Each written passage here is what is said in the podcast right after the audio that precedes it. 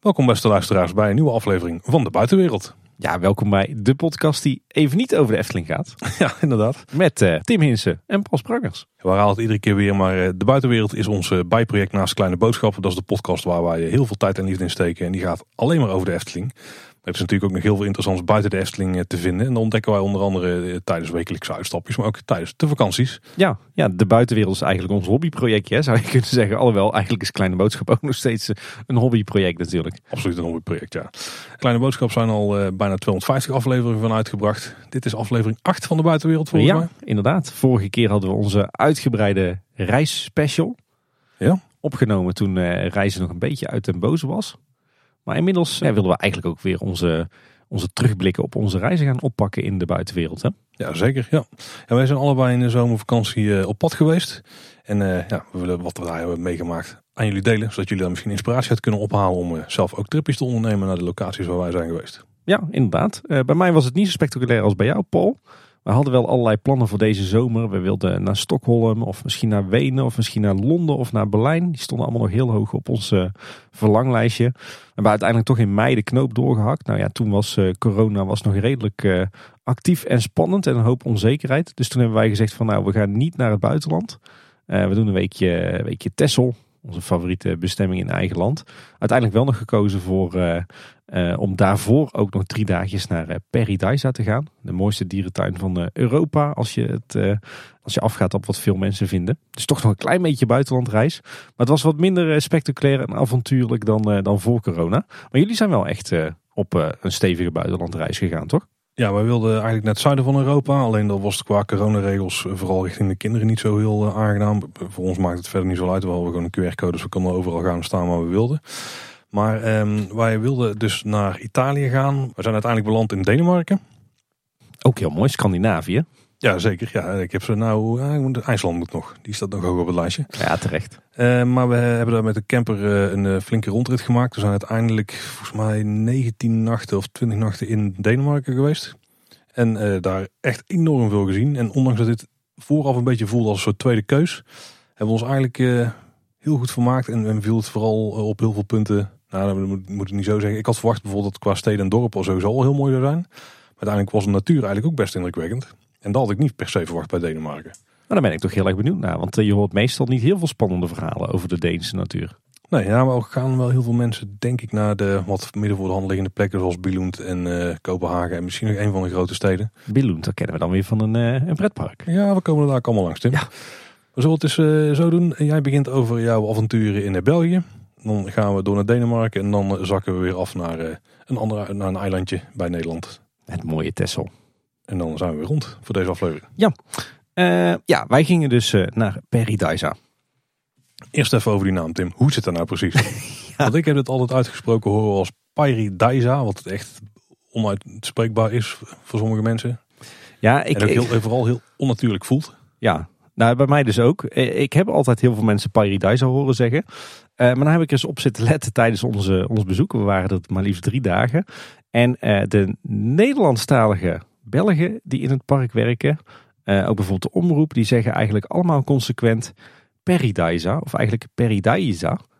En toen kreeg ik in instantie te horen van ja, nee, maar dat zijn eigenlijk walen die een beetje Nederlands proberen te praten. Maar het zijn echt de Nederlandstalige Belgen die zeggen Peridaisa. Dus dat is hoe je het blijkbaar echt moet uitspreken. Oké, de voelt logischer.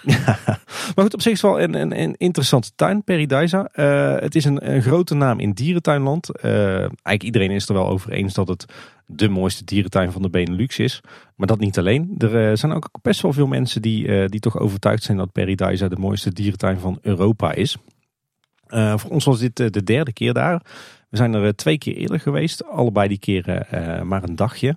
En dan merk je eigenlijk meteen al dat het park destijds al uh, veel te groot was om in één dag te zien. Uh, dat was bij de keren nog zonder kids. Uh, de afgelopen vijf jaar waren we er eigenlijk niet meer geweest. En heeft wel heel lang echt bovenaan ons verlanglijstje gestaan. Telkens niet aan toegekomen, omdat het toch stiekem best een eindje rijden is. En ja, eigenlijk gewoon veel te groot om in één dag te doen. En nou ja, je zit al met kleine kinderen. Maar uiteindelijk was dit eigenlijk de uitgelezen kans. Hè. We zouden naar Texel gaan en we hadden verder niks op het programma. En uh, vrij last minute besloten om, uh, om dan maar uh, naar Paradise te gaan. Met de kinderen. En het dan ook meteen goed aan te pakken. Dus we hebben gezegd, weet je wat, we pakken drie dagen. Ja, die drie dagen Oh, hebben we ook echt heel hard nodig gehad. Want als we maar twee dagen hadden gehad, hadden we gewoon weer de hele dierentuin niet gezien. Dus eh, dat, dat, eh, dat is wel echt iets wat ik luisteraars aanraad. Als je echt Paradise op je gemak wil bekijken. Zeg ik het zelf verkeerd. Maar dan eh, ne- neem er goed de tijd voor. Ik denk dat je er zonder kinderen in twee volle dagen wel doorheen bent. Maar eh, anders, eh, dan heb je echt die drie dagen nodig. Misschien een klein beetje achtergrond. Paradise ligt in, in Wallonië. In de provincie Henegouwen. Dat is, ja, even heel simpel gezegd, links onder Brussel. Ligt vlak bij de Franse grens. Dus men spreekt er allemaal ook, ook Frans en Nederlandstalige mensen eh, en medewerkers die eh, zijn eh, behoorlijk zeldzaam. Dus eh, het is fijn als je een beetje, een klein beetje kennis van het Frans hebt. Nou, Paradise ligt dus in, in Henegouwen, eh, naast het dorpje Bruzelet. Maar eigenlijk is het, eh, is het, het park zeg maar, eh, ontstaan ehm, ja, bij een oude abdij. Eh, bij het plaatsje Cambron, zoals dat zo mooi heet. Eh, en eh, heeft een enorm rijke geschiedenis. Ehm, het begon daar eigenlijk, het, het klooster begon daar al in de 12e eeuw. Dus dat is nog ouder dan, eh, dan het gehucht Efteling, kan je nagaan. En ehm, in de 18e eeuw eh, is daar het, het, de abdij en het klooster gebouwd zoals je dat, eh, dat nu ook nog terugvindt in het park. Daar vind je nog resten van. Daar was ook een bierbrouwerij bij. En in de loop der eeuwen is daar wat vermaak rond ontstaan. Zoals je dat ja, heden ten dagen ook nog wel ziet rond abdijen. Hè. Kijk bijvoorbeeld hier in de regio naar, naar de abdij Koningshoeve. Eh is allemaal wat verloederd in eh, de 20e eeuw. Eh, steeds verder vervallen. Bekende beeldmerk van Paradise is ook de, de, de oude toren van de abdij. Die is helemaal vervallen. Die stamt ook echt nog uit het einde van de 18e eeuw. En nou, maar doen we even fast forward naar, naar de wereld van tegenwoordig. Begin jaren 90 eh, kwam het, domein van, het, van de abdij kwam te koop. En als een Belgische zakenman, Erik Domp, die heeft toen het hele gebied eigenlijk een beetje op de gok gekocht. Is daar eh, Park Paradisio begonnen. Een vogelpark. Heel erg vergelijkbaar met eh, bij ons bijvoorbeeld Avifauna. Maar eh, ja, dat liep in het begin niet heel goed. Op een gegeven moment is, hij de beurs opgegaan. Daarna heeft hij het bedrijf weer van de beurs afgehaald. Is hij gaan samenwerken met wat investeerders. En zijn droom was eigenlijk om dat vogelpark en dat dierentuin om te toveren tot een, ja, een tuin van de wereld. Dus het is, ze zeggen ook zelf in Paradise van wij zijn geen dierentuin, wij zijn een, een tuin van de wereld. En eigenlijk ja, sinds, eh, sinds begin 2000 heeft hij in, eh, in sneltreinvaart dat vogelpark en dat oude, eh, oude domein rond die abdij heeft hij omgebouwd naar, ja, naar eigenlijk een, een, een tuin van de wereld met, met een heel aantal themadelen verspreid over het park. En ieder themadeel is gethematiseerd naar een bepaald deel van de wereld. En daar vind je dus niet alleen de dieren die bij dat deel van de wereld horen, maar ook gebouwen, architectuur, eten en drinken, eh, kunstwerk, beeldhouwwerk, eh, eh, mineralen, culturen, gebruiken. Ja, eigenlijk is het misschien meer nog een cultuurpark of een themapark dan een dierentuin. Ja, de afgelopen jaren is dat park gewoon explosief gegroeid. Zowel in bezoekersaantallen als, als in omvang. Ja, dit is wat mij betreft, eh, ook na ons derde bezoek, is dit eh, zonder twijfel de mooiste dierentuin eh, van Europa. Want om het even in wat context te, te zetten. Er komen dus 2,2 miljoen bezoekers per jaar naar het park toe. Hè? Dat is echt gigantisch groot. Volgens mij is daarmee het best bezochte thema pret dierentuinpark.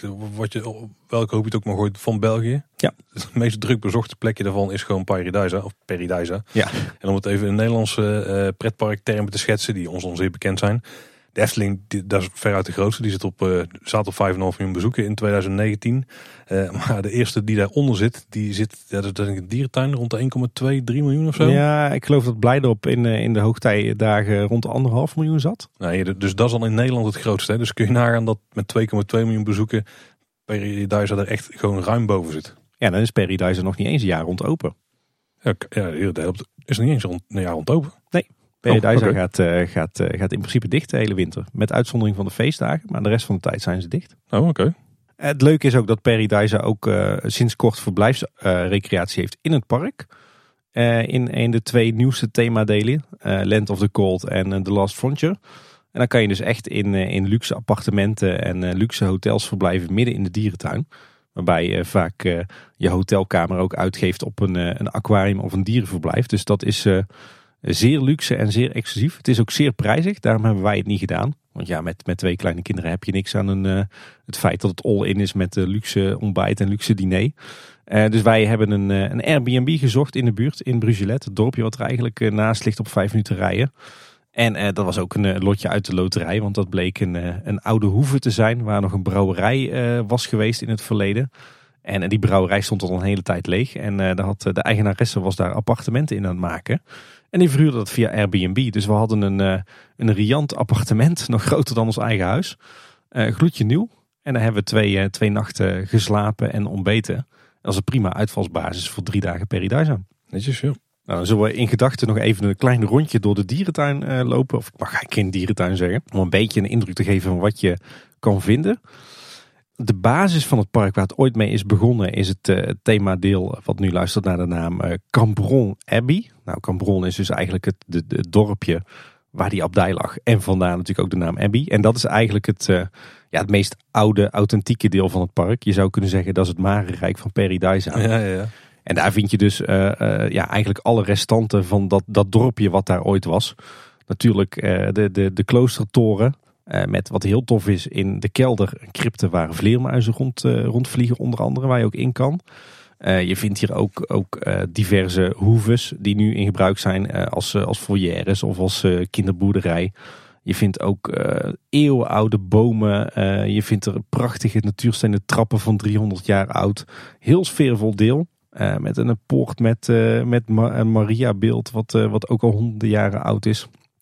Gewoon een heel tof authentiek sfeertje van ja, echt een beetje zo'n ouderwets vervallen dorpje bij een klooster. Heel tof. En daar hebben ze ook overal dierenverblijven bij. En verder heb je in dat, uh, dat themadeel ook nog uh, een heel groot aquarium. En um, nog een hele grote speeltuin. Dat is natuurlijk ook ideaal als je met, uh, met de kids bent.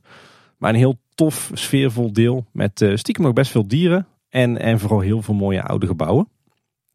Als je dan het park met de wijzers, of tegen de wijzers van de klok in bezoekt dan kom je daarna uit in uh, The Last Frontier. Het, uh, het meest uh, recente themadeel van het park. Is gethematiseerd naar, nou, vooral eigenlijk naar, naar Canada. Een heel wijd themadeel met ook heel veel verblijfsrecreatie. Onder meer een, een indianendorp en wat huisjes die, die doen denken aan de Hobbit. En je hebt daar onder meer elanden, bruine beren, zwarte beren, wolven... En een heel tof, uh, tof plekje onderin het park met een, uh, een grote waterpartij waarin onder meer uh, zeehonden zwemmen. En daar staat een enorm hotel bij waar je ook een aantal nachtjes in kan slapen. En je hebt er ook een, een hele grote ruit waarmee je naar, naar de zeehonden kan kijken. Verderop vind je Land of the Cold. Is gethematiseerd naar een beetje Rusland, Siberië. Vind je bijvoorbeeld een heel tof restaurant aan het water. Maar ook uh, de remise van de, de stoomtrein van het park. Waar je gewoon uh, naar binnen kunt lopen en kunt kijken naar het onderhoud dat ze daar uitvoeren. Uh, een hele toffe hangar met een, een, vlie, watervliegtuig. En een, ja, eigenlijk een, een Siberisch dorpje. En in dat dorpje zitten zowel restaurants als dierenverblijven als verblijfsaccommodatie verwerkt. En daar vind je onder meer ijsberen terug walrussen, wat uh, best een zeldzaamheid is uh, in dierentuinland. Ook tijgers en, en pingwings, ook een heel sfeervol themadeel. Echt een soort, ja, een soort Russisch stadje. Een heel groot themadeel wat ernaast ligt is The Kingdom of Ganesha. Is een, beetje, ja, een beetje Indisch thema, denk ik zo.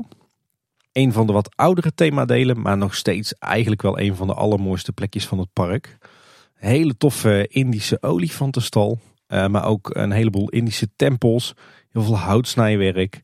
Uh, een prachtig verblijf voor de orang-oetangs. Uh, een prachtige tempelcomplex waar je witte tijgers in kunt zien. Ehm, en, en vooral hier heel veel aandacht voor de, lokale cultuur. Voor het houtsnijwerk. Voor de, de, de tempels. voor de beplanting. Dus dat, ja, eigenlijk zijn al die themadelen zijn helemaal immersive. Zoals het dan met een mooi woord heet. Daarnaast ligt The Land of Origins, het, eh, het Afrikaanse themadeel, doet nog het meest denken aan een, uh, aan een standaard dierentuin uh, van alle themadelen in het park. Um, is landschappelijk ook alweer heel mooi opgezet met ook, wat, ook hele toffe verblijven. Uh, verblijven van de gorilla's zijn bijvoorbeeld vormgegeven als, als vulkanen. En je vindt er ook een heel mooi Afrikaans dorpje. Een totaal andere koek dan het Afrika-dorp van de Beekse Bergen. En, en ja, verder vind je hier uh, heel veel apensoorten, maar ook leeuwen, hyena's, uh, Afrikaanse olifanten, neushoorns, nelpaarden. Dus uh, ja, alle diersoorten komen wel voorbij. Ook een, een, een, enorme boot die ze er hebben neergelegd, die ze daar hebben gereconstrueerd met daarin een, een groot reptielenhuis. Dus ze zijn ook wel heel compleet. Ook wel vrouwengeneel. Reptielhuis op een boot. Daar heb ik nog geen, geen enkele andere dierentuin gezien. Nee, nee, nee, inderdaad. Heel indrukwekkend. Verder hebben ze nog een heel klein uh, Australisch themadeel. Met uh, de kangoeroes en de wallabies. Uh, binnenkort ook weer, weer koala's. maar bijvoorbeeld ook een Tasmaanse duivel. Ook wel weer helemaal in thema met, met ehm, van, die, echt van die rode gravel op de vloer. Met heel veel mineralen die je kan zien. Met, met typisch met een hele mooie volière. ook een heel tof themadeel. En, en misschien nog wel het allermooiste themadeel. En eigenlijk de allereerste uitbreiding van, uh, van Park Paradisio. Wat denk ik wel een beetje de aanzet heeft gegeven van het, uh, het hedendaagse Paradisa. Dat is uh, The Middle Kingdom, het Chinese themadeel. En ja, dat is echt gewoon een... ja, je waant jezelf dan gewoon in China. Met heel veel verschillende Chinese tempels, met boeddha's, met natuurlijk de panda's die een prachtig verblijf hebben. maar ook met, met een, een loopbrug op grote hoogte. Met gaande rijen langs waterpartijen, met kraanvogels, met rode panda's, met allerlei apensoorten en panters en bizons en uh, vissen die je kunt aaien. En nou ja, je kijkt hier echt je ogen uit. Een Chinees theehuis, uh, trappartijen. Uh, ja, echt ontzettend indrukwekkend. Je kunt er ook heerlijk Aziatisch eten. Ja, je waant je daar echt gewoon, gewoon in China. Echt een prachtig themadeel. En uh, verder uh, loopt er dus ook nog een, uh, een heuse stoomtrein door het hele park heen. En net als in de Efteling is dat ook echt een, een, een, origineel werkende stoomtrein. Het zijn trouwens meerdere stoombloks. Maar die werken echt nog op, op steenkolen. En daarmee maak je een behoorlijke rondrit rond het park heen. Ook zeker een, een aanrader. En ja, ik, ik, ik loop het nu natuurlijk even in een paar minuutjes door. Maar ja, ieder themadeel is, is echt gewoon een, een pareltje. Er is gewoon overal aan gedacht. En, en alles is vormgegeven in thema. Is ook gewoon een, hele indrukwekkende dierencollectie. Dus ja, ik kan alleen maar zeggen, ehm, als je wat hebt met, uh, met themaparken of zeker met dierenparken, ja, ga dan echt eens naar Paradisa. Neem er wel voldoende tijd voor, minimaal twee dagen, bij voorkeur drie dagen. Uh, overnacht daar op het park of, uh, of kies voor een Airbnb in de buurt. En ja, neem gewoon alles in je op en geniet. En, en als je van fotograferen houdt, dan weet ik zeker dat je hier duizenden foto's maakt. Want het park is echt ontzettend fotogeniek. En uh, niet, zozeer, uh, niet zozeer eens vanwege de dieren, maar vooral wel vanwege de landscaping en de, de architectuur. Het is echt, uh, echt een pareltje wat mij betreft. Absoluut een, een park waar wij nog vaak gaan terugkomen. Ja, het staat bij ons ook heel hoog op de lijst om te bezoeken. Ik denk niet dat dit jaar nog gaat gebeuren, maar 2022 moet toch wel het jaar voor dit zijn. Ja, jullie hebben camper, hè? dus dan kan je ook die kant op Ja, precies. Dat is wel een goede reden om die kant op te gaan, ja. Als je trouwens nog, nog meer wil weten over Paradisa of je wil wat, wat foto's zien, met onder meer mezelf en de kinderen erop. Uh, dan kan je de blog lezen die, uh, die Anne heeft geschreven over Paradise op, uh, op wegmetmama.nl. En we zullen de, de rechtstreekse link ook in de show notes zetten. Ja, dan door naar Denemarken, Tim. Want jij deed net een rondje door uh. Paradise. Paradise, excuses. en wij hebben een rondje gedaan door Denemarken. Ja, en niet zomaar, want jij liet mij de kaart zien. Maar jullie hebben echt gewoon letterlijk ieder Deens eiland gewoon letterlijk rondgereden. Hè? Ja, van alle grote eilanden hebben we alleen eh, Groenland niet gedaan. Maar dat was een beetje lastig naartoe rijden. Nee, we zijn inderdaad, ja, als je Denemarken een beetje ziet, dan heb je in het uh, westen, dat is de plek waar je dan vaak binnenkomt, heb je Jutland. Dat is het grote, ja, de schiereiland eigenlijk, wat in Duitsland vastzit. Met er aan de bovenkant nog eigenlijk ook een eiland wat daar aan vastzit, wat ik dan voor het gemak er even bij reken. Dan heb je in het midden heb je een wat kleiner eiland als uh, Fune. Dan heb je nog aan de oostkant, dat is dus waar Kopenhagen ligt, heb je Zeeland. En daaronder liggen nog een paar extra eilanden, uh, Mon, Falster en Lowland. Die hebben we ook allemaal gehad. Um, maar de grote drie eilanden zijn, eilanden zijn dus Jutland, Fune en Zeeland. En die volgorde hebben wij zo gedaan. En we hebben ze eigenlijk allemaal gewoon rondgereden. Zeeland misschien nog wel het minste. Daar zijn we vooral uh, naar Roskilde en Kopenhagen geweest. En daarna via het zuiden afgezakt daar. Daar hadden we in het noorden nog wel een paar dingen kunnen checken. Uh, hadden net twee dagen te weinig voor, denk ik. Dan was het ook gelukt, want er zitten ook nog wel interessante dingen. Hoe hadden jullie het eigenlijk voorbereid? Hadden jullie van tevoren al heel de route uitgestippeld? Of gewoon de highlights die je wilde zien? Of? Nou, eigenlijk toen we erheen reden was het niet helemaal duidelijk wanneer we bijvoorbeeld al naar Legoland gingen. Dat was sowieso een punt waar we langs wilden vanwege de kinderen en ook uh, mijzelf. ik wou net zeggen, goed excuus. Maar wat, ik eigenlijk had gedaan, ik heb gewoon een app, een Mapster heet die, best een aanrader. Daarin kun je gewoon een kaartje maken waar je je eigen highlights op zet, je eigen punten. Met een, vrij goede zoekmachine om al op allerlei plekken te komen en dan categoriseren in wat zijn steden, natuur, et cetera. En ik had eigenlijk gewoon zo'n kaart gemaakt en, zo, en daar hebben we eigenlijk grofweg de route een beetje van af laten hangen. Uh, met de dingen die wij dus interessant vonden. Maar het was ook onderweg gewoon kijken en je spreekt af en toe mensen. En die, die, die, geven je ook weer tips en zo. Waar je eigenlijk de route op. Maar we hadden ja, eigenlijk tot we op Fune waren, hadden we nog niet eens duidelijk wanneer we nou weggingen of hoe we weggingen. Want we hadden namelijk weer via de bruggen terug kunnen rijden uh, naar Jutland en dan of zo Duitsland in. Maar uiteindelijk hebben we een boot gepakt vanuit Lowland naar Duitsland. Uh, dat is een korte oversteek van drie, van drie kwartier. Ik hoe lang het duurde. Een uur en een kwartier. Ik heb geen idee. In ieder geval ja. een oversteek. Ja, dat, dat, was op vrij op de Bonnefoy allemaal. Maar toen werd het al wel wat duidelijker wanneer we ongeveer in Kopenhagen zouden zitten, et cetera. Maar grofweg hebben wij dus eigenlijk iedere nacht ergens anders gestaan. Op twee plekken na. Bij Legoland hebben we langer gestaan, dus in Billund en bij Kopenhagen. Uh, op de heenweg zijn we dus. Uh, Duitsland was dan ook een hoop gedoe met. Uh, als je daar dan verbleef op dat moment, dan moest je jezelf registreren, et cetera. Hadden we niet zoveel zin in. Maar voor een door, doortocht dan was het prima. Als je gewoon erheen reed, hoef je niks te, niks te regelen. dus wij hebben geslapen aan de grens bij Groningen. Dus op de heenweg dat we daar naartoe reden, toen zijn we nog langs Dwingelerveld geweest. Heel mooi natuurgebied trouwens, met een heel tof ja? plankenpad. waar we daar toen hebben gelopen onderweg. En toen zijn we gewoon in één dag eigenlijk doorgestoken naar, door heel Duitsland heen vooral bij Hamburger, daar was het wat druk met de wegwerkzaamheden en zo, naar uh, het zuiden van Jutland dus. Jij liep nog te klagen op de WhatsApp, ja. Ja, nou we hadden wel gehoopt dat we iets eerder aan zouden komen in, uh, in uh, Teunder, of Tunder, want dat was de eerste plek waar wij sliepen. Uh, dus van Oom met zo'n schuinstreepje erheen, Tim. Dat is een... ACDC heeft daar een liedje over gemaakt, hè? Ja, zeker. En daar ging, nog over, ging nog over een truck zelfs ook, volgens mij. Wij sliepen bij, bij Teuner, een heel uh, leuk uh, plaatsje. Daar stonden wij uh, vlak naast het dorp eigenlijk. Dat kon je zo inlopen, was een paar minuten lopen. Nou, een klein oud dorpje, ja, dat is het eerste waar, je, waar we binnenkwamen. Maar we zaten wel meteen goed in het Deens sfeertje. Met mooie vakwerkhuisjes en zo daar, weet je wel. En de kleuren die kwamen ook wel meer op je af. En wel vrij bijzonder dat daar, zeker in deze coronaperiode, meteen een pleintje was met een bandje. En van die lange oktoberfestachtige tafels met mensen die daar vol een bak bier zaten te tanken. Dat was een vrij bijzondere gewaarwording. Dat was even wennen, denk ik, na ja. anderhalf jaar. Ja, ja, ja, maar dat was dus echt in het uh, zuidwesten. Dat is ook de hoek waar we zijn binnengekomen.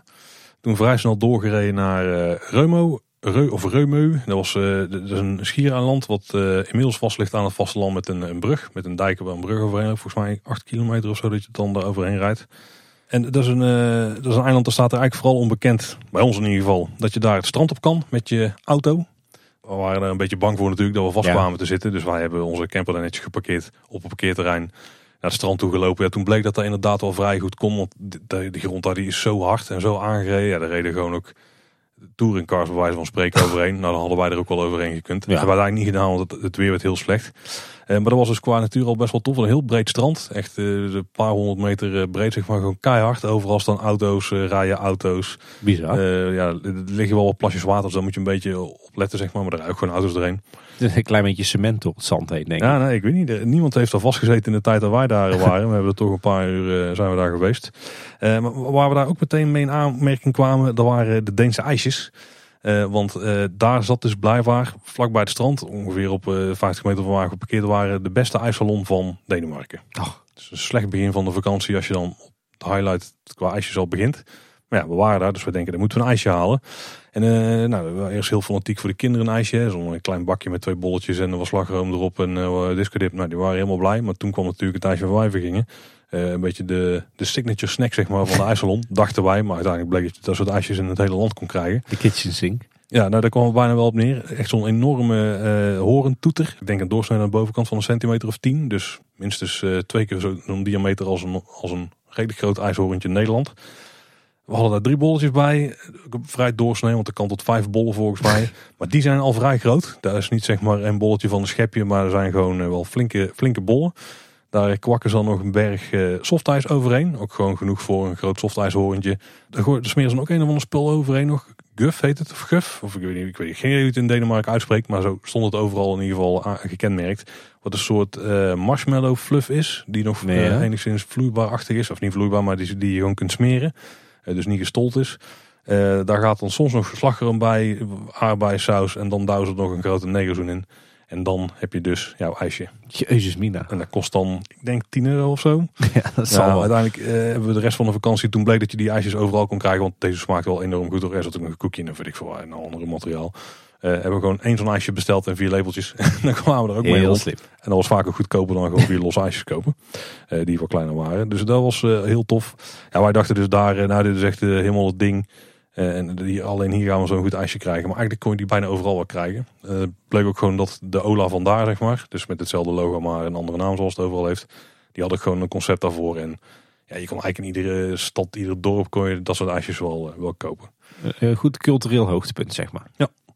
Die avond hadden we ook best wel een aardige overnachtingsplek. Want er liggen dus een paar eilanden daar langs de kust. Waddeneilanden in principe ook. Hè. Als het water zakt, dan eh, wordt de zee daar echt eh, vrij ondiep procentueel gezien eh, ten opzichte van het hoogwater.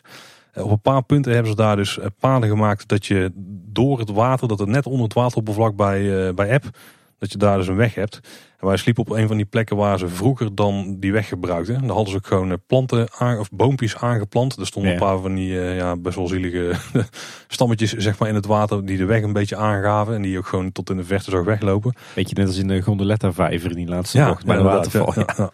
Op dit moment eh, was die niet meer in gebruik. Volgens mij was er wel één tractor of zo die daar wel eens zo met wat toeristen overheen ging. Maar dat was natuurlijk allemaal gesloten nu. Maar daar sliepen wij dus aan. En in de verte kon je dan dus eh, de nieuwe weg zien. Die kwam ook alleen maar droog te liggen als het app was. Maar waar we dus in de avond één autootje zo. Een rood autootje was mooi te zien op een kilometer of, eh, nou, ik weet niet, vijf, zes afstand. Die dus steeds verder de zee in leek te rijden. Maar die dus uiteindelijk gewoon op een weg reed die nog net niet zichtbaar was. Maar die net te ver onder water lag om, om verder door te rijden. En uiteindelijk was daar een hele file die zich achteraan eh Cool. opstelde. Die dan zodra het open ging in één keer eh, naar het eh, eiland daar, eh, daartoe gingen. Het Deense Mont Saint-Michel. Ja, ja, eigenlijk. Ja, Mont Saint-Michel kun je nu gewoon heen lopen. Want dat is altijd boven water eh, te doen. Maar inderdaad, vroeger was daar zo Ja. ja. Ja, toen doorgegaan naar Riebe, een, een oude stad. Eh, mooi centrum ook. Ook met heel veel eh, vakwerkhuisjes. Was wel daar een beetje de doorsnee eh, van wat we zagen. En toen de weg weer vervolgd langs Esbjerg. Daar staan een paar standbeelden langs het water. Die kijken uit over de haven daar. Want het is een grote havenstad. Ook vrij aardig. Dat hebben we niet heel lang volgehouden. Toen zijn we wat, eh, wat doorgereden. Toen zijn we langs eh, een, eh, ja, een fjord gegaan. Het Rinkebing Fjord. Rinkebing, dat is een coole naam ook hè. Ja. Eigenlijk is het bijna een binnenmeer. Waar een soort van duingebied eh, tussen de zee en dat meer ligt zeg maar. Maar er is een heel klein openingetje. Daarom rekenen ze het als fjord denk ik. Maar er ligt een brug overheen. Eh, maar dat is eigenlijk best wel een tof duingebied. Met vrij hoge duinen ook. Eh, maar wat, daar wel cool aan is, want dit was een van, de, van die indrukwekkende stukjes natuurlijk die ik niet had verwacht. De duinen zijn vrij hoog. Als in, eh, het zal 15, 20 meter of zijn, maar als je daar vlak langs rijdt, vrij indrukwekkend. Maar die zijn, die zijn vrij eh, volgroeid met gras, met van een lange gras. Maar aan de zijkant is het vaak weggeslagen. Dat je echt van die golfvormige duinen Ja, krijgt, zeg maar. ja. Daar rij je dan gewoon een heel stuk doorheen. Heel tof. Er zit ook echt helemaal vol met, eh, met toeristische plekken en, eh, en huisjes en van, die, van die vakantieparken en dat soort dingen. Wat ik me wel kan voorstellen daar. Want er ligt ook een vrij aardig strand volgens mij aan de andere kant. En toen uiteindelijk uitgekomen bij een van die, ehm, ja, van die dorpen waar het vrij toeristisch is. Voor Rupur of zo denk ik. Geen idee. Daar liggen allemaal van die bootjes op het strand, weet je wel. Lange pier, staan een hoop mensen te vissen. Iedereen heeft wel aanspraak. Dus een paar eh, fijne restaurantjes bij en zo. Dus dat was een, eh, een hele aardige plek om te overnachten. We stonden ook vlakbij de zee, dus daar eh, mooi één duin over en dan aan het strand lekker gespeeld. Je zit dan dus ook steeds aan de westkant en dat is vrij gunstig voor de zonsondergangen. Want die zijn er ook, tenminste wij hebben een paar hele goede gehad, omdat de bewolking op dat moment goed was. En toen kregen we een paar plekken die voelden wat meer desolaat aan. Maar daar is het eigenlijk nergens in Denemarken echt desolaat. Want uiteindelijk kom je iedere anderhalf kilometer kom je nog wel iets van huis tegen. Maar er waren een paar vrij uitgestrekte natuurgebieden waar je dan doorheen kon rijden. Maar wel eh, vrij vlak. Het is misschien een goed moment om even de, de wegconditie in Denemarken aan te halen. Want die is echt heel goed. Ah, ik, ik schrok al. Ik denk, dat ga je nou vertellen. Nee, maar, nou, nou oké. We hebben ook wel een paar plekken meegemaakt waar er van die betonplaten lagen. Dat is gewoon verschrikkelijk. Maar dat maakt niet uit in welk land je bent. Dat is gewoon altijd verschrikkelijk. Maar de meeste plekken zijn, eh, zijn er gewoon eh, de wegen, de hoofdwegen zijn 80 wegen. Eh, breed genoeg, zeg maar twee baans altijd. gewoon breed genoeg om, als er iemand tegemoet komt, dan maak je niet druk om, zeg maar. Dat kan nog met een camper of een tractor of weet ik veel. Ik kan me voorstellen dat je er af en toe wel, dat je daar druk om maakt. Ik, ik denk uiteindelijk dat, dat was een beetje de evaluatie naar de rand, dat als je een, een camper hebt en je denkt, ik wil gewoon een interessante omgeving, maar ik heb geen zin in moeilijke bochten, straatjes, eh, heel dat gedoe. Ja, ik kan Denemarken echt aanraden. Je hebt nergens dat de heuvels zo indrukwekkend zijn dat je moeite moet doen om erop te komen. Het is vrij vlak wat dat betreft, maar er is zeker wel glooiend landschap. Wegen zijn super. Eh, goed onderhouden, eh, glad. Het is overal groen. Het, voelt op plekken echt wel een beetje als een niet door Frankrijk, zeg maar. Om het zo even te noemen. Want als je in Frankrijk komt na juli, dan is daar gewoon één grote gele bende. En hier was het eigenlijk overal eh, gewoon groen. En we zaten al toch, eh, ja, een groot deel van de tijd was het augustus. Nee, het was augustus. Ja, we, zijn in augustus daar geweest. Nou, dan eh, hoef je in Frankrijk eh, geen groene omgeving meer te wachten. Maar daar gewoon overal. Extreem veel plekken om gewoon te gaan staan. En ja, wild kamperen mag officieel niet. Maar het wordt heel erg hard gedoogd. Eh, dus op heel veel plekken kun je ook gewoon eh, een nachtje met de camper blijven staan. Als je maar niemand tot last bent. Dat was eigenlijk eh, op pad met de camper voor dummies. Dus Daar, is de, daar, daar zou ik zeker aanraden om daarin te gaan. voor, voor Ja. beginners moet ik dan zeggen. Daar klinkt Ook, respect ja, ja, Ja. zeker. Nou, weer wat eh, verder de weg vervolgd. Het kwamen we uiteindelijk uit in, Halm, in Hanstholm. Daar zit een eh, bunkermuseum. Dat is vrij cool. Daar hadden ze een... eh, om de baai daar te beschermen. Want het ligt een beetje op een, een punt. een beetje in het noordwesten van Denemarken. Eh hadden ze daar dus in de Tweede Wereldoorlog flinke bunkers eh, gebouwd. Met echt enorme kanonnen. Weet je wel, die, die, staan op van die schijven met eh, diameters van ik denk een meter of 25, 30 of zo. Die helemaal rond konden draaien. Nou, die fundamenten die zijn er allemaal nog. De hele bunker is er ook nog. Die hebben ze vrij snel nadat de Duitsers daar zijn vertrokken, hebben ze die al gebruikt voor rondleidingen. Maar die hebben ze op een gegeven moment geprofessionaliseerd met ook een bezoekerscentrum erbij waar ze alle oude objecten hebben tentoongesteld. Maar je kunt dus echt de bunkers in, waar nog een hoop van de originele materialen en zo hangen. Of in ieder geval opgeknapt hangen. Dat was eh, vrij indrukwekkend. Ja, klinkt goed. En toen eh, een stukje verder gereden en toen kwamen we in eh Frøstrup uit. En daar heb je, pff, nou Tim, ik weet helemaal niet of dat ik zo goed uitspreek. Nee, de enige kliffen in Denemarken waar zich vogels hebben genesteld. Dus dan heb je dus van die kliffen waar aan de onderkant door erosie gewoon, de, de zee heeft daar gewoon ja, stenen weggeslagen. Dus die lopen schuin uit over de zee. En daarboven hebben ze allemaal meeuwen genesteld en zo. En dat is een meter of vijftig hoog denk ik. Dus niet super hoog, maar ook wel heel tof om eh, een kijkje te nemen daar. En toen kwamen we toch uit bij eh, een van de highlights eh, voor mij deze vakantie. Het eerste pretpark wat we hebben Kijk. Tim, van de drie. Verroep Sommerland. Nou, ik heb het in kleine boodschap al licht toegelicht, maar ik moet het hier nog een keer herhalen. Verroep Sommerland is voor ons een vrij uniek pretpark. Want in Nederland zijn nou, eigenlijk alle pretparken hetzelfde. Je koopt het ticket, je zet je auto weg, je gaat, er, je, gaat door de poort en laat je ticket controleren. En dan ja, kun je heel de dag kun je overal gewoon in. Bij Verroep Sommerland is het net iets anders. Je ticketcontrole die doen ze gewoon al terwijl je nog in de auto zit. En zodra je voorbij dat punt bent, dus voorbij de ticketcontrole in de auto, dan ben je gewoon in het park. Parkeer je auto, dan is er nergens ticketcontrole meer. Dus je kunt ook heel de dag gewoon naar je auto toe lopen. De eerste auto's staan ook echt maar 10 meter van de hoofdentree zeg maar, geparkeerd. Wij stonden denk ik misschien een meter of 70 of zo eh, vandaan. Wat een beetje achter in een hoekje eh, gezet. En hoe het park verder is ingericht is ook wel vrij bijzonder. Want dit was vrij serieus pretpark. Qua attractieaanbod eh, best wel tof. Wel heel veel achtbanen, want dat is natuurlijk makkelijk. Maar ook een, eh, mooie Rapid River en eh, een boomstamattractie en en 4D bioscoop. Een beetje dat soort dingen, weet je wel. Eh, maar ze hadden ook op heel veel plekken gewoon picknickweiders. Maar ook daarin barbecuehuisjes. Dus gewoon Ja. huisjes met grote barbecues erin. Een hoop, hoop picknickbankjes erin en zo. En je zag er dus heel, hele families met een grote bolderkarren vol met vlees en drank en heel de rambam. En die claimden daar gewoon een bankje. Die claimden een van die barbecuehuisjes. En die gingen daar gewoon een hele dag op hun gemak eh, staan grillen. Al waren ze er wel vrij vroeg klaar mee. Ik heb na drie uur niemand meer zien grillen daar. Want het park ging om een uur of vijf, zes dicht. En dat is gewoon hoe mensen daar het park bezoeken. En daarnaast kun je alle attracties dus gewoon vrij bezoeken. Dat is wel vergelijkbaar met hier. Ehm, de horeca draaide ook nog steeds best aardig. Dus dat doen ze ook goed. Maar wat, wat daar wel, eh, wel, wel tof is, is gewoon het attractieaanbod. Ze zijn daar eh, vrij veel aan het vernieuwen. Ze zijn ook nou een grote coaster aan. Volgens mij de spectaculairste van Denemarken. Al is dat niet echt een heel grote prestatie. Oh, vlak de roetjebaan er niet uit. Nou, deze is toch wel iets spectaculairder. En de meeste achtbanen in Verroep Sommerland zijn ook wel spectaculairder dan de roetjebaan. maar, maar die heeft zijn eigen charme. Komen we dadelijk.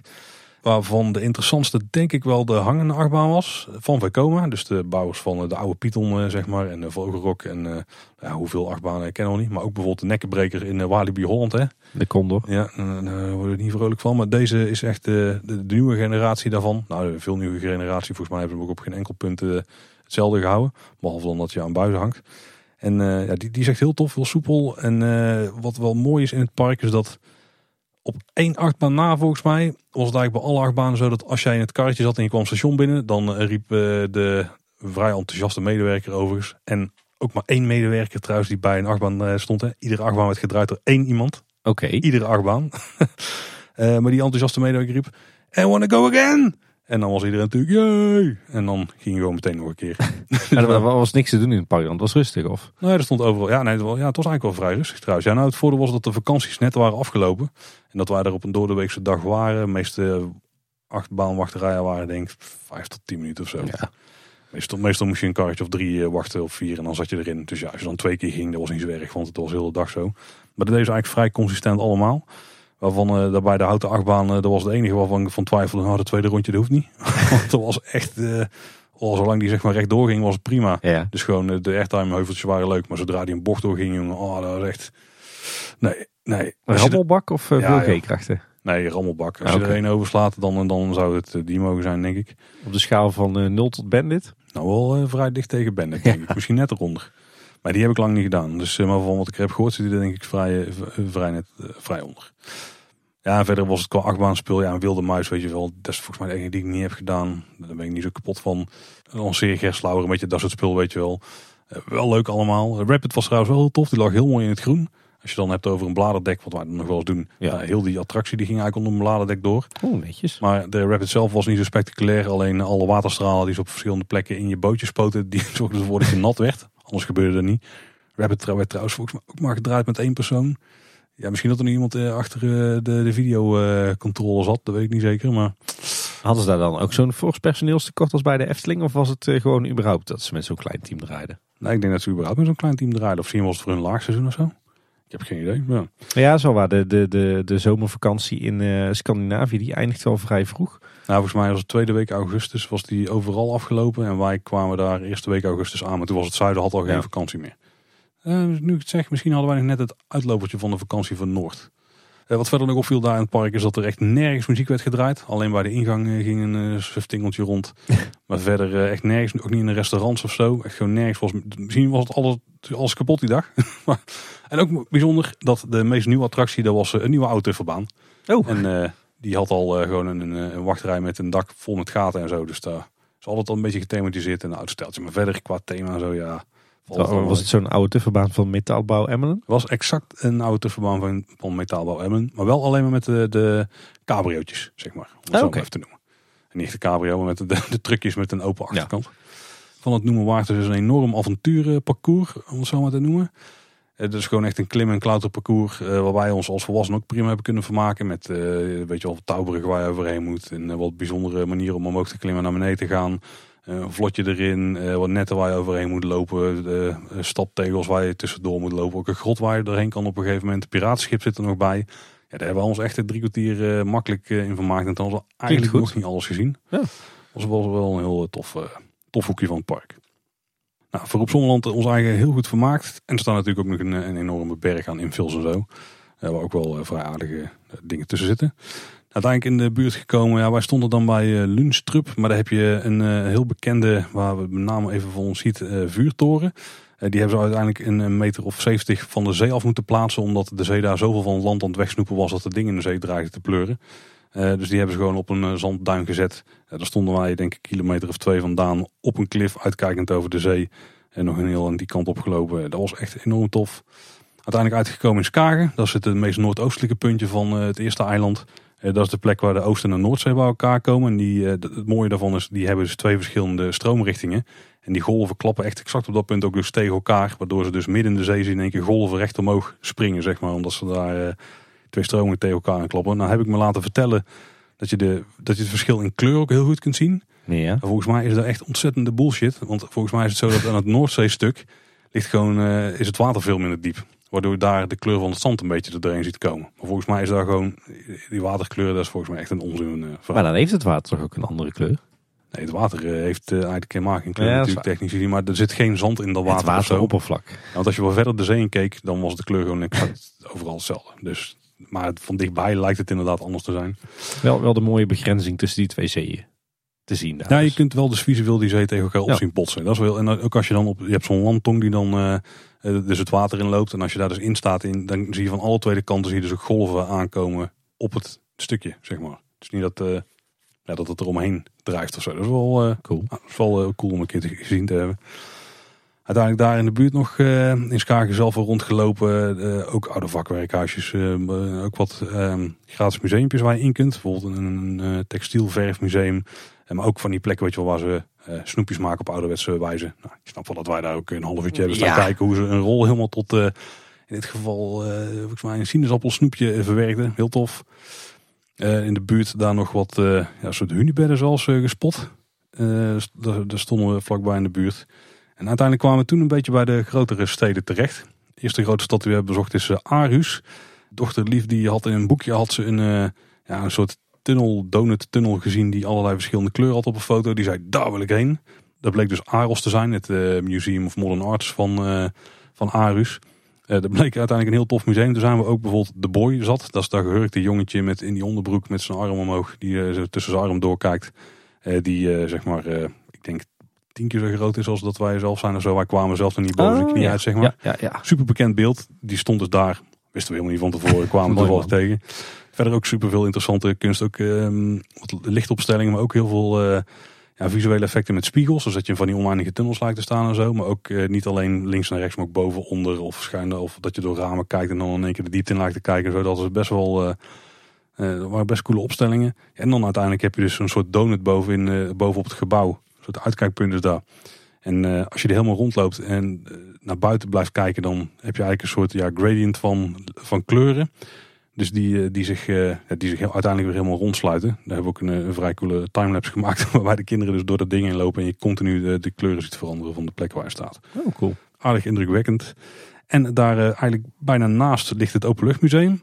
Altijd leuk. En het Openluchtmuseum daar heet Den Gamla Bie. Wat volgens mij gewoon de oude, bij, wat gewoon de oude stad betekent. Uh, dat, is iets wat jou kan waarderen denk ik Tim.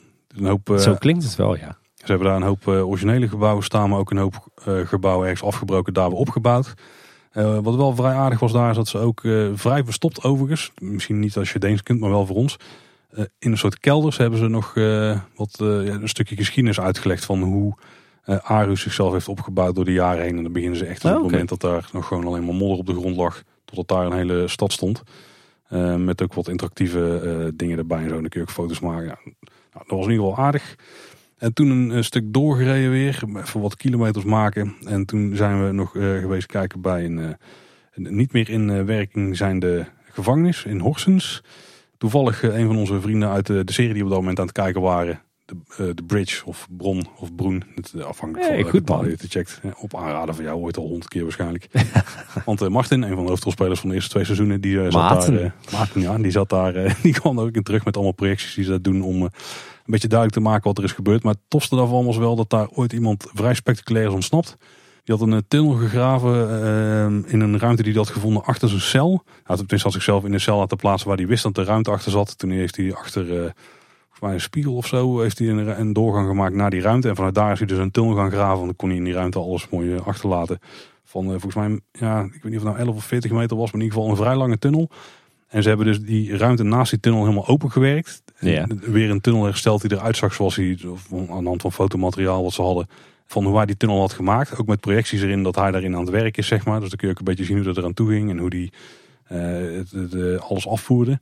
Alle grond en zo die eruit haalde. En dan kun je gewoon heel die tunnel nou langslopen. Dat is wel uh, vrij cool. Uh, dikke aanrader. Uiteindelijk ook naar um, Jelling geweest. Dat staan de, of Jelling, daar staan de Jellingstones. Dat is uh, volgens mij de declaratie van uh, Denemarken en zo staat erop. De reden dat ik er naartoe ging is omdat daar ook de, de runes op staan waar, de, waar het Bluetooth-icoon op is geïnspireerd. Ja, ja zeg, want koning Blauwtand, die heeft, of Blaatand, die heeft daar volgens mij de onafhankelijkheid van Denemarken uitgeroepen. Ja. En toen kwamen we uit in Billund. Bij Legoland dus. Nou, en, en, bij Lego. Misschien nog wel veel belangrijker dan alleen Legoland. Want Billund is natuurlijk uh, de Lego-stad. Daar staat uh, het hoofdkantoor. Daar staat ook volgens mij een enorm grote fabriek. Uh, als je de stad in komt rijden, zie je ook allemaal al Lego-stenen liggen overal op nou, iets groter dan, dan dat je ze s'nachts vindt thuis en daarna gaat schelden. Zijn de trottoirs ook van Lego of dat nee, niet? Nee, nee, daar, daar viel heel erg mee. Ja, ik, ik, de stad zelf, het is gewoon een, een, een stad die aan de rand vooral een beetje wordt opgeslokt door Lego. Uh, maar in de stad zelf, uh, daar zijn we niet heel erg veel geweest. Kun je volgens mij wel een toertje lopen langs wat historische plekken en zo. Maar in de stad hebben ze nu ook een vrij coole attractie gebouwd. Dat is Lego House. Oh ja, daar heb ik je veel over gehoord op de WhatsApp. Qua leisure van Lego heb je dus eigenlijk drie dingen. Je hebt de Lego vakantieparken of het vakantiepark en een aantal hotels. Je hebt Legoland en je hebt dan Lego House. Lego House is vrij recent geopend, volgens mij twee, drie jaar geleden of zo. Maar dat ligt een beetje verder weg van Legoland en hotels en zo, zeg maar. En wij sliepen op het uh, resort. Ja, nou, het is het, het campingresort, zeg maar. Ja. Ik moet zeggen dat het misschien het de prijs niet echt waard was. Maar qua ligging en zo was het verder prima. Maar bijvoorbeeld daar ook een buffetje gedaan en zo. Denken, nou we zijn toch in een vakantiepark. Ja. Ja, nou, de, de, het was voor Deense maatstaven vrij goedkoop. Maar dat was de kwaliteit ook wel na, zeg maar. dat was niet zo heel spectaculair koud. Niet zo heel veel keus. Nee, dat was niet zo heel erg top. Uh, de uitstraling van het park was ook niet zo heel bijzonder. Ook niet, ja, er waren wel Lego elementen, maar ja, dat was net als er, eh, weet je wel, standaard toiletgebouw volgeplakt met stickers en dan was het in één keer Lego. Ja, nee, ja dat beetje er niet echt in. En er staan er wel af en toe wel van die Lego objecten, maar die passen ook niet echt met de rest van de indeling van de omgeving of zo. Was waarschijnlijk afschrijvingen uit de andere Lego parken. Ja, je had, je had dan bijvoorbeeld per veldje had je een, een dier als uh, herkenningspunt. En er was dan wel een soort vignetje gebouwd met dat dier. Wel groot hoor, dus wel een, vaak op een oppervlak van 2,5 bij 2,5 meter of zo. Met dieren van levensechte grootte. Maar dat was dan, die waren gewoon er neergepland. En dat was het enige Lego-achtige aan wat, ja, wat dat was. Zo, niet bordjes in stijl of weet je wel, zo zoveel dingen waarin je thema's door zou kunnen denken. Dat was niet echt gedaan. Nee. Maar behalve bij het Ninjago gebied, dat was ook gewoon speeltoestellen in thema zo. Een huisje waren om een thema. Daar zaten dan van die Lego werpsterren in, uh, in de voorgevels ge, geplakt en zo. Dat, dat, was wel aardig gedaan, maar dat was ook het nieuwste stuk. Maar daar stonden we ja. natuurlijk niet. Uiteindelijk um, ja, wilden wij dus Lego House bezoeken. Uh, waren we minder enthousiast over, maar dat wilden we toch wel graag zien. En Legoland. Uh, qua weer het slecht gepland, want het zou Lego House moest je boeken op datum. Ja. Legoland niet, dan kon je gewoon binnenlopen. Omdat we in het resort zaten, mochten we daar twee dagen naar binnen. Uiteindelijk hadden wij het van tevoren allemaal zo gepland. Dat dan is het slecht weer, dan gaan we naar Lego House, dat is binnen. En dan gaan we de goede uh, weer daar gaan we naar Legoland. Maar in de praktijk bleek het, bleek het weerbericht ons gefopt te hebben. was precies andersom. Heel fijn. Ja, dus de dag met stralend weer zijn we naar Lego House gefietst. Ja, en dat vond ik dus echt heel tof. Dat was misschien wel de verrassing van de vakantie. Als je het uitlegt, dan klinkt het niet zo heel spectaculair. Ik moet zeggen, ik heb het ook uitgelegd gekregen aan mezelf. En toen was ik er nog niet zo heel enthousiast over. Maar als je er eenmaal bent, dan blijkt het enorm tof te zijn. Het is gewoon ja, bijna een museumopzet heeft het. Ja. Dus je, je hebt een best wel cool uh, qua architectuur gebouw. Uh, bestaan uit grote blokken en van bovenaf lijken daar wat Lego steen dopjes in te zitten. Dit hier ook als skylight zitten die ook een beetje in het gebouw verwerkt, zeg maar. Die, die ronde, ja, die noppen zeg maar, van de Lego steentjes. En uh, je begint onderaan een super grote open lobby. Waarvan de helft gewoon openbaar is en de andere helft die is, nou eigenlijk kwart maar die is gescheiden. Er zit ook een grote winkel, maar dan heb je ook het, het restaurantgedeelte. Nou, je hebt dus gereserveerd, dus je kunt je eigenlijk daar melden bij gewoon een geautomatiseerde, uh, bij een geautomatiseerd schermpje. Scant daar je, je reserveringscode en dan krijg je dus voor iedereen een polsbandje met de QR-code. -hmm. En die zijn dus gepersonaliseerd, want ze weten van iedereen wie het is. Er staan netjes al de naam op, want had ik van tevoren moeten opgeven. Was ik ook al vergeten, daarom een leuke verrassing. Kun je jezelf inbliepen om het, uh, ja, om het gebouw verder binnen te, te gaan. En dan staat er eigenlijk op de begane grond, begint het met eigenlijk twee dingen. Je hebt daar ja, de, de, basis van een enorme boom die omhoog gaat, waar ook een trap rondomheen loopt. Die is helemaal opgetrokken uit Lego steentjes. Volgens mij 2 miljoen stenen. Ik weet, statistieken heb ik niet meer onthouden. Uh, maar daarnaast staat dus een van de machines waarmee ze Lego blokjes maken. En oh, een cool. theorie is dus dat als je zes Lego steentjes zet, de klassieke 2 bij 4 steentjes, Ja. dan kun je daar 900 miljoen verschillende combinaties mee maken. Van vormpjes. Als je ze in de haakse hoek op elkaar klikt. Ja. Weet ik veel. Nou, dat geloof ik achter elkaar. Wat je daar dus kunt doen is, je kunt daar je bandje bliepen tegen een van die scanstations. Die staan er echt enorm veel. En dan kennen ze een van die unieke combinaties kennen ze toe aan jou. Dus dat is voortaan jouw unieke combinatie voor de rest van je leven. Printen ze een pasje mee uit, uh, officieel registratienummer, heel de rambam. Maar was nou cool, achter jou staat dus een, een machine die Lego blokjes te maken. Ja. Gewoon van, uh, van die rode kunststof korrels, die zie je erin gaan. Uh, je ziet de vorm, je ziet de persen, je ziet alles lopen met lopende bandjes. Nou, ze persen daar dus die blokjes, die vallen op een lopend bandje. Die worden op een gegeven moment geteld. Dan worden de zakjes geprepareerd. Dan worden er zes per zakje ingedaan. Nou, dan wordt het nog gewogen. Als de afwijking te hoog is, dan tikken ze die eruit. Dan heb je dus nog een, een, een doos met afgedankte zakjes, zeg maar. Want er zit dan te veel of te weinig in. En uiteindelijk vallen die zakjes, die vallen dus in een bak. En dan kun je dus gewoon jouw zakje met zes steentjes uithalen. Met je pasje kun je dus jouw unieke configuratie maken. Nou, dat is cool. Die kun je mee naar huis nemen. Hebben jullie dat ook gedaan? Ja, de kinderen die hebben zo'n pasje, ja. En uh, ja, die zakjes, uh, we hebben iedere zakje mee naar huis genomen. Ja, dus dan hadden we al 24 blokjes om mee te bouwen, Tim. Hoppa. Dus daar was er oneindig veel mogelijkheden, denk ik, inmiddels. En een mooie herinnering. Ja, zeker. Ja, ja. We hadden er eigenlijk eentje mee moeten nemen en dicht moeten laten, gewoon uh, als herinnering. Oeh, dan, dan voelde ik me een echte hins. Um, uiteindelijk gingen we... De... Tim houdt nog altijd het verzamelen van wat ja. dingen. Ik zal even niks zeggen. Nee. Uh, uiteindelijk dus met de trap naar boven gaan langs die boom. Nou, dat is allemaal, die, dus nogmaals helemaal van Lego's. En ook op de takken allerlei mooie objecten um, geplaatst. En dan kom je op, het, uh, ja, op de hoofdverdieping. En daar vinden alle activiteiten plaats. Want je bent heel veel bezig daar. Het is heel weinig kijken. Hoewel in de kelder zit dan ook nog een museum. En dan loop je echt heel de historie van Lego langs. Ook oh, van uh, Lego en Billund. en dan zie je dus ook oude sets, dan steeds een nieuwe. En heb je ook nog een interactief gedeelte waar je alle sets ooit en zo kunt opsporen en kijken welke je had, et cetera. Ook wel leuk. Maar het hoofd van deel van activiteiten, daar vindt zich plaats ja, op de ja, het is niet echt de eerste verdieping, want het, er zit wel redelijk wat verspringing in en zo. Maar eh, op alles boven de begane grond. En ja, in de basis zijn er volgens mij ook wel dingen die je bij het Lego Discovery Center kunt doen. In, in uh, Scheveningen, bijvoorbeeld, ja. Maar ook wel op heel veel plekken uitgebreider. Want je, ja, je wordt eigenlijk op heel veel plekken gechallenged om iets te doen. Dus bijvoorbeeld, uh, wij begonnen bij de autootjeshoek. En dan moest je autootjes maken die door een gat heen konden springen. Of die zo snel mogelijk een race parcoursje konden afleggen. Wat dus cool is, is dat je op heel veel plekken fotostations hebt. Zet je jouw voertuig bijvoorbeeld neer, bliep je jouw, uh, jouw armbandje er weer tegenaan, dan maak je een foto en die koppelen ze aan jouw account. Kun je het eind van de dag weer binnentrekken. Nou, je hebt ook voor fotopunten, kun je zelf gaan staan. Mm Bliep je dat ding, wordt er een foto gemaakt. Uiteindelijk gooien ze daar dan een mooie animatie overheen en heb je iets spectaculairs.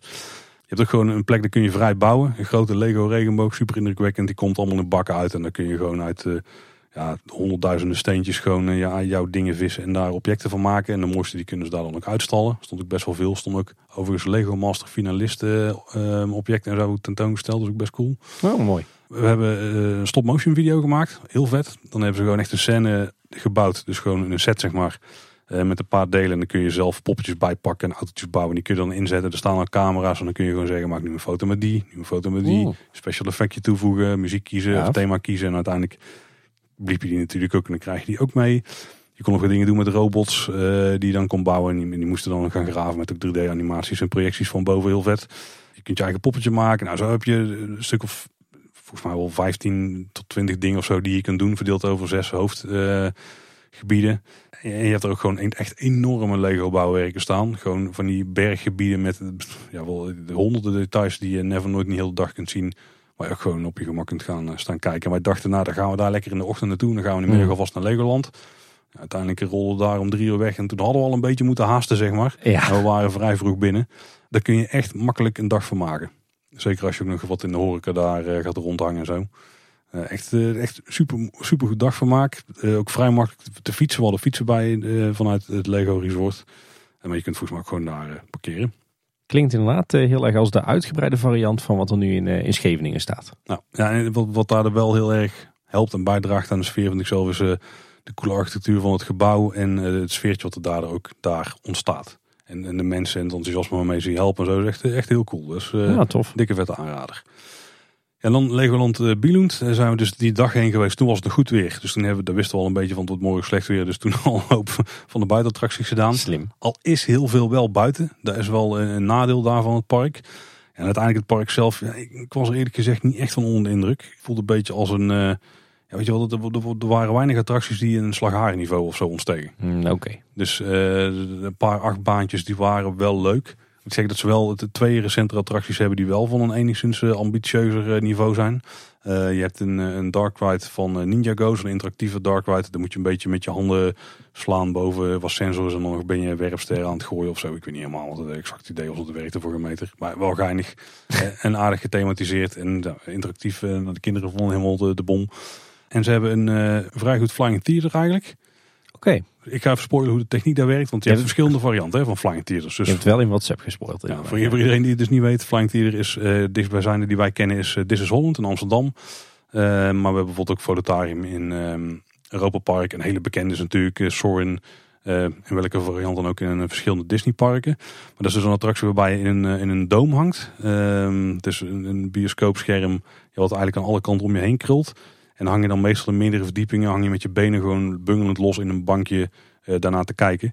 Maar wat ik hier wel heel, heel tof vond, is uh, de manier waarop je uiteindelijk in de film gebracht wordt. Want soms word je omhoog gehezen, soms klapt er voor je een, uh, iets naar beneden en word je naar voren geschoven. Maar hier werkt het compleet anders. je had een voorshowtje, stond je gewoon naar een filmpje te kijken. Uiteindelijk ga je dan door een deur heen. En dan de banken waar je in gaat zitten, die zie je gewoon, daar loop je op af, zeg maar. Dus jij loopt naar de rugleuning toe, ja, hoe moet ik zeggen. Ja, je, je kijkt gewoon het zitje meteen in van waar je kunt gaan zitten. Uh, nou ja, wij waren de eerste, dus wij zijn helemaal aan de buitenkant gaan zitten. Toen dacht ik toen we net zaten van, dat heb ik niet zo handig gedaan. Want daar zitten daar helemaal aan de buitenrand van het scherm. Dat is niet de allerbeste plek om dit te gaan kijken. Maar ik had helemaal niet door hoe de rest van het systeem werkte. Want uh, het voordeel dus ook van die manier van binnenkomen is dat de bagagebakken die stonden dus gewoon ja, links en rechts van de deuren. Dus zeg maar je gaat zitten, dan zie je voor je neus een bagagebak. Denk je, oh, daar moet ik nog even wat dingen in gooien. Nou, super op je gemakje, gewoon makkelijk instappen. Eh, alleen als dan de, de film gaat beginnen, dan kantelt eerst de bank een beetje naar achter. Dat is om je voeten van de grond af te krijgen, want dan gaat het gebeuren. Die bank draait dan gewoon 180 graden rond. En in één keer zaten wij dus niet aan de buitenrand van het scherm, maar zaten wij vrij ver in het midden van het scherm. Ah, Want je hebt drie banken naast elkaar en wij zaten in een van de buitenste banken. En dan hang je dus meteen eigenlijk met je benen vrij. Terwijl ja, nog geen halve meter achter je gewoon de vloer zit waar je net nog eh, bij aan het instappen was. Zeg maar. Heel, heel praktische manier en werkt ook zeker heel goed met kleine kinderen. Ja. Maar dat is nog wel een vrij moderne attractie. Dus die is wel... eh, nou, En, en eh, wat voor film zie je daar dan? Die was gebaseerd op de Lego Movie. Eh, was wel, ja, nou ja, dat was wel een vrij LSD-film die je daar te zien kreeg. Met het karakter wat ook het minst was blijven hangen bij mij. Een poesje of zo, een neon ding. Eh, dat weet ik niet helemaal meer. Maar dat zijn een beetje de twee meer ambitieuze attracties. Maar de rest, ja, weet je wel, alle acht banen zijn van die baantjes van een meter of vier, vijfhonderd lang. Eh, je hebt wat dark rides, maar ja, er zijn echt, echt enorm slappe aftreksels van eh, de Pirates. Of, eh, het is natuurlijk met Piraten in ieder geval, maar dan met Lego. Met een hele krakkemikkige animatie, eh, animatronics zeg maar, zo mag je het niet eens noemen, maar Ja. Lego poppen. Nou, je hebt dan de draak, hè, de, de, de achtbaan. Dat een uh, Mack Powered Coaster. Ja, daar ga je, dat wordt dan wel leuk is dat je binnen een soort dark ride stukje hebt. Maar daarna ga je naar buiten. Nou, dat is denk ik nog geen 150 meter aan baan. Dat is nog geen halve Max en Moritz, zeg maar, wat je dan aflegt. en ook niet echt heel goed. Verder ook niet echt een hele goede baan of zo. Ja, daar, daar was ik allemaal niet zo heel erg van in de indruk. Maar er is wel veel te doen. Er is een groot attractieaanbod. Maar het is nergens, ja, er komt nergens echt voorbij slagharen niveau, zeg maar. Buiten dan eh, die twee eh, andere attracties waarvan de Ninjago niet eens zo heel goed is. Maar die, dat flankt hier is wel aardig. Ja. Eh, en heel veel opvolspeel natuurlijk. Ja, ik moet zeggen, de Legoland, zeker het originele Legoland, heeft ook wel lang op mijn eh, interesselijst gestaan. Maar ik heb eigenlijk nooit echt enthousiaste verhalen erover gehoord. Meestal een beetje, nou, een klein beetje teleurgestelde verhalen. En voor ons zou het ook niet echt op de route liggen of zo. Kijk, jij, jij hebt natuurlijk een rondreis gemaakt. Jullie hebben de camper, dus dan kan je het makkelijk doen. Maar als ik dit zo hoor, dan is het niet de moeite waard om echt bewust voor naar Billund te reizen. Niet alleen voor Legoland, maar als je ook naar Lego House gaat, dan kan ik het wel zeker aanraden. Ja. En die combinatie ook wel, eh, wel goed is hoor. Kijk, en als je, we hadden ook een slechte weerdag, hè, dus eh, we hebben, je hebt daar ook wel een, je hebt daar gewoon dus een Sea Life aquarium ook zitten, gewoon in het park. Oké. Dat was ook een verrassing, maar dat kwam mooi uit, want toen Ja. het echt slecht weer was, zijn we daarheen gegaan. Die was ook nog wel aardig, maar ja, weet je wel, het is allemaal nergens echt groot of zo. Dus, nergens uit. nee, eigenlijk niet. Nee. Nou, helder. En wel heel veel van die Lego eh, natuurlijk in het park. eh, beter geïntegreerd dan eh, in het campen of in het resort. Je hebt natuurlijk wel het Miniland. Waar we niet eens echt heel erg lang bij stil hebben gestaan. Maar dat is ook wel een tof element. Dat is een beetje het Lego Madurodam uh, natuurlijk. Ja. hè, Waar het een beetje mee is begonnen. En is daar eh, heel Europa mee nagebouwd? Of hoe moet ik dat zien? Ja, wel een hele grote delen. Ja. Best wel veel eh, van Nederland. Dus dat is ook wel tof om, eh, om te zien. Dus van wat wij ervan hebben meegekregen. Ik heb van mensen gehoord dat ze zich daar al eh, zich daar een aantal uur konden vermaken. Ja, daar kan ik niet bij want dat was voor ons gewoon te slecht weer voor. Maar ik denk als je met Ja. gewoon goede, goed weer die kant op gaat, ja, dan kan je eigenlijk daar echt wel eh, heel goed van maken. Ja, dus Billund, eh, Legoland, ja, niet super indrukwekkend, maar Lego House des te meer. En toen hadden we op Jutland eigenlijk alles wel gezien. En toen zijn we doorgereden naar Fune. Dan eh, ga je een heel klein bruggetje over om daar te komen. Dat was nog niet zo heel spectaculair. Er komt daar gewoon een spectaculaire brug in. Maar Ja. niet de brug, maar Niet, wel eh, een, een vrij spectaculaire brug. En op Fune, daar is de grootste stad, is eh, Odense. Of Odense, of ik weet niet precies hoe je het uitspreekt. Ik, ik zeg altijd Odense, maar ik durf niet te zeggen of dat het ook echt de, de officiële uitspraak is. Nou, ik ga ook voor Odense. Maar voordat we daarheen gingen, zijn we naar eh, Bogense gegaan. En daar zal vast een, een Deense woordgrap of zo in zitten. Of weet je wel, een beetje het, brug, het zeebruggen van Brugge of zo. Ik Ja. heb geen idee. maar Ik ook niet. Maar ik weet het niet. Eh, Een heel, een heel klein dorpje waar wel een, een paar leuke dingen te zien zijn. Eh, Er zijn een paar hele sfeervolle straatjes. Maar ja, het zijn er ook wel echt maar een paar. Dus het was wel gewoon heel tof. Ik denk als je de foto ziet, dan denk je, daar moet ik heen. Maar dat was dan ook wel echt het enige wat er te doen was. Maar wel aan zee met een jachthaven. Je hebt wel, eh, wel wat verhoging ook richting eh, het, in, het binnenland. Dus je kan zeg maar vanaf eh, 100 meter of een paar honderd meter vanaf de zee heb je best wel mooi uitzicht over eh, in ieder geval het havengebiedje. Eh, waar we ook stonden trouwens aan overnachten. En volgens mij was het ook de plek waar ook nog een mannetje pis had. De Deense variant. Ja, de Deense variant, maar wel echt een replica van. Zit ook een schitterend verhaal achter, wat ik een kaart ben vergeten. Dus, maar Heeft indruk gemaakt. er stond een mooi plaketje bij waar het op was uitgelegd. Maar die ging daarna de echte geschiedenis lezen en die was compleet anders. Dus, dus wat ze daar lokaal precies aanhouden, weet ik niet. Maar volgens Wikipedia zat het toch eh, net iets anders in elkaar. Ja, een goede factchecker. Of zat Wikipedia gewoon fout? Dat kan natuurlijk ook nog steeds. Ik denk wel dat Wikipedia het bij het rechte eind had. Die had iets meer bronnen erbij. Dan alleen gewoon een metalen plaatje Ja. in het dorp. En toen zijn we vanuit daar eh, zijn we doorgegaan naar eh, Odense dus. De geboortestad van eh, Hans Christian Andersen. Juist, dus er waren een paar dingen die moesten we daar checken. Zoals het geboortehuis van Hans Christian Andersen. Want daar ligt daar. Logisch. Uh, dat was overigens niet zo heel spannend. Dat is gewoon een, een, huisje wat daar in een straatje staat. Maar ja, dat is hè. Daar maak ze niet meteen een bedevaartsoord of zo van. Uh, maar een stukje verder heb je ook het Hans Christian Andersen huis. En dat is eigenlijk het grote museum over Hans Christian Andersen zijn leven. En, en zijn werk en zo. Het uh, was wel zo dat wij zijn daarheen gegaan uh, toen het in soft opening was. Want daar hebben ze echt compleet op zijn kop gezet. Ja, dat was vroeger waren daar echt allemaal oude gebouwtjes in de tuin waar dan sprookjes werden voorgelezen, et cetera. Daar hebben ze een, een, een vrij modern, eh, architectonisch heel interessant gebouw van gemaakt. Met allerlei eh, ronde gebouwen die, die in boven uh, onder elkaar zitten. Waar uh, bijna het halve museum onder de grond ligt. Dus onder de tuin. Maar de tuin was bijvoorbeeld nog niet af. Dus daar was op dat moment niet zo heel veel te zien. Het klinkt een beetje vergelijkbaar met het, het Airborne Museum in Oosterbeek. Daar ligt ook een hele belevingswereld. eigenlijk een soort halve dark ride onder het, het echte museum verscholen. Nou, was het daar hier maar geweest? Want uiteindelijk waren we niet super onder de indruk van het museum. Oh. Ik dus wel van de uitstraling van het gebouw en hoe dat in elkaar stak. Uh, maar niet van de expositie zelf. was iets te artifarty voor uh, wat we bij Hans Christian Anders hadden verwacht. Ja. En er zit ook aan het einde een vrij grote ruimte uh, met, waar dan meerdere sprookjes worden uitgebeeld. Maar daar was ik, ik kan je er foto's van laten zien. Tim. Ik denk dat je echt geen idee waar je naar zit te kijken. Bijvoorbeeld zoiets. Je ziet wat, wat spiegelende scherven in het plafond hangen met de lampen, met een beamer erdoorheen. Het, het zegt mij niet meteen iets, nee, qua sprookje. Nou, dat soort de zaken. Het was een sneeuwkoningin dan, denk ik. Of, uh... Ik heb geen idee. Ja, je oh. had ook wel iets klassieker, de prinses op de echt. Ja, dat is, dat is natuurlijk logisch. Maar dat, dat was dan nog vrij klassiek ingekleed. Ik, ik zie trouwens wel hier een prachtige uitbeelding van de prinses op de echt. Die kan zo door richting de Efteling. Het ziet er wel allemaal fancy uit, maar het is niet echt dat je denkt van ja, nou, de uitbeelding zoals wij ze graag zien. Maar wij zijn ook wel verwend met de Efteling natuurlijk. Het, het moest heel erg artistiek verantwoord zijn, zie ik wel. Ja, dat was het zeker. Maar als je dan het gebouw zelf ziet, dan ziet er wel gewoon wel heel chic uit. dat is vet, ja. ja.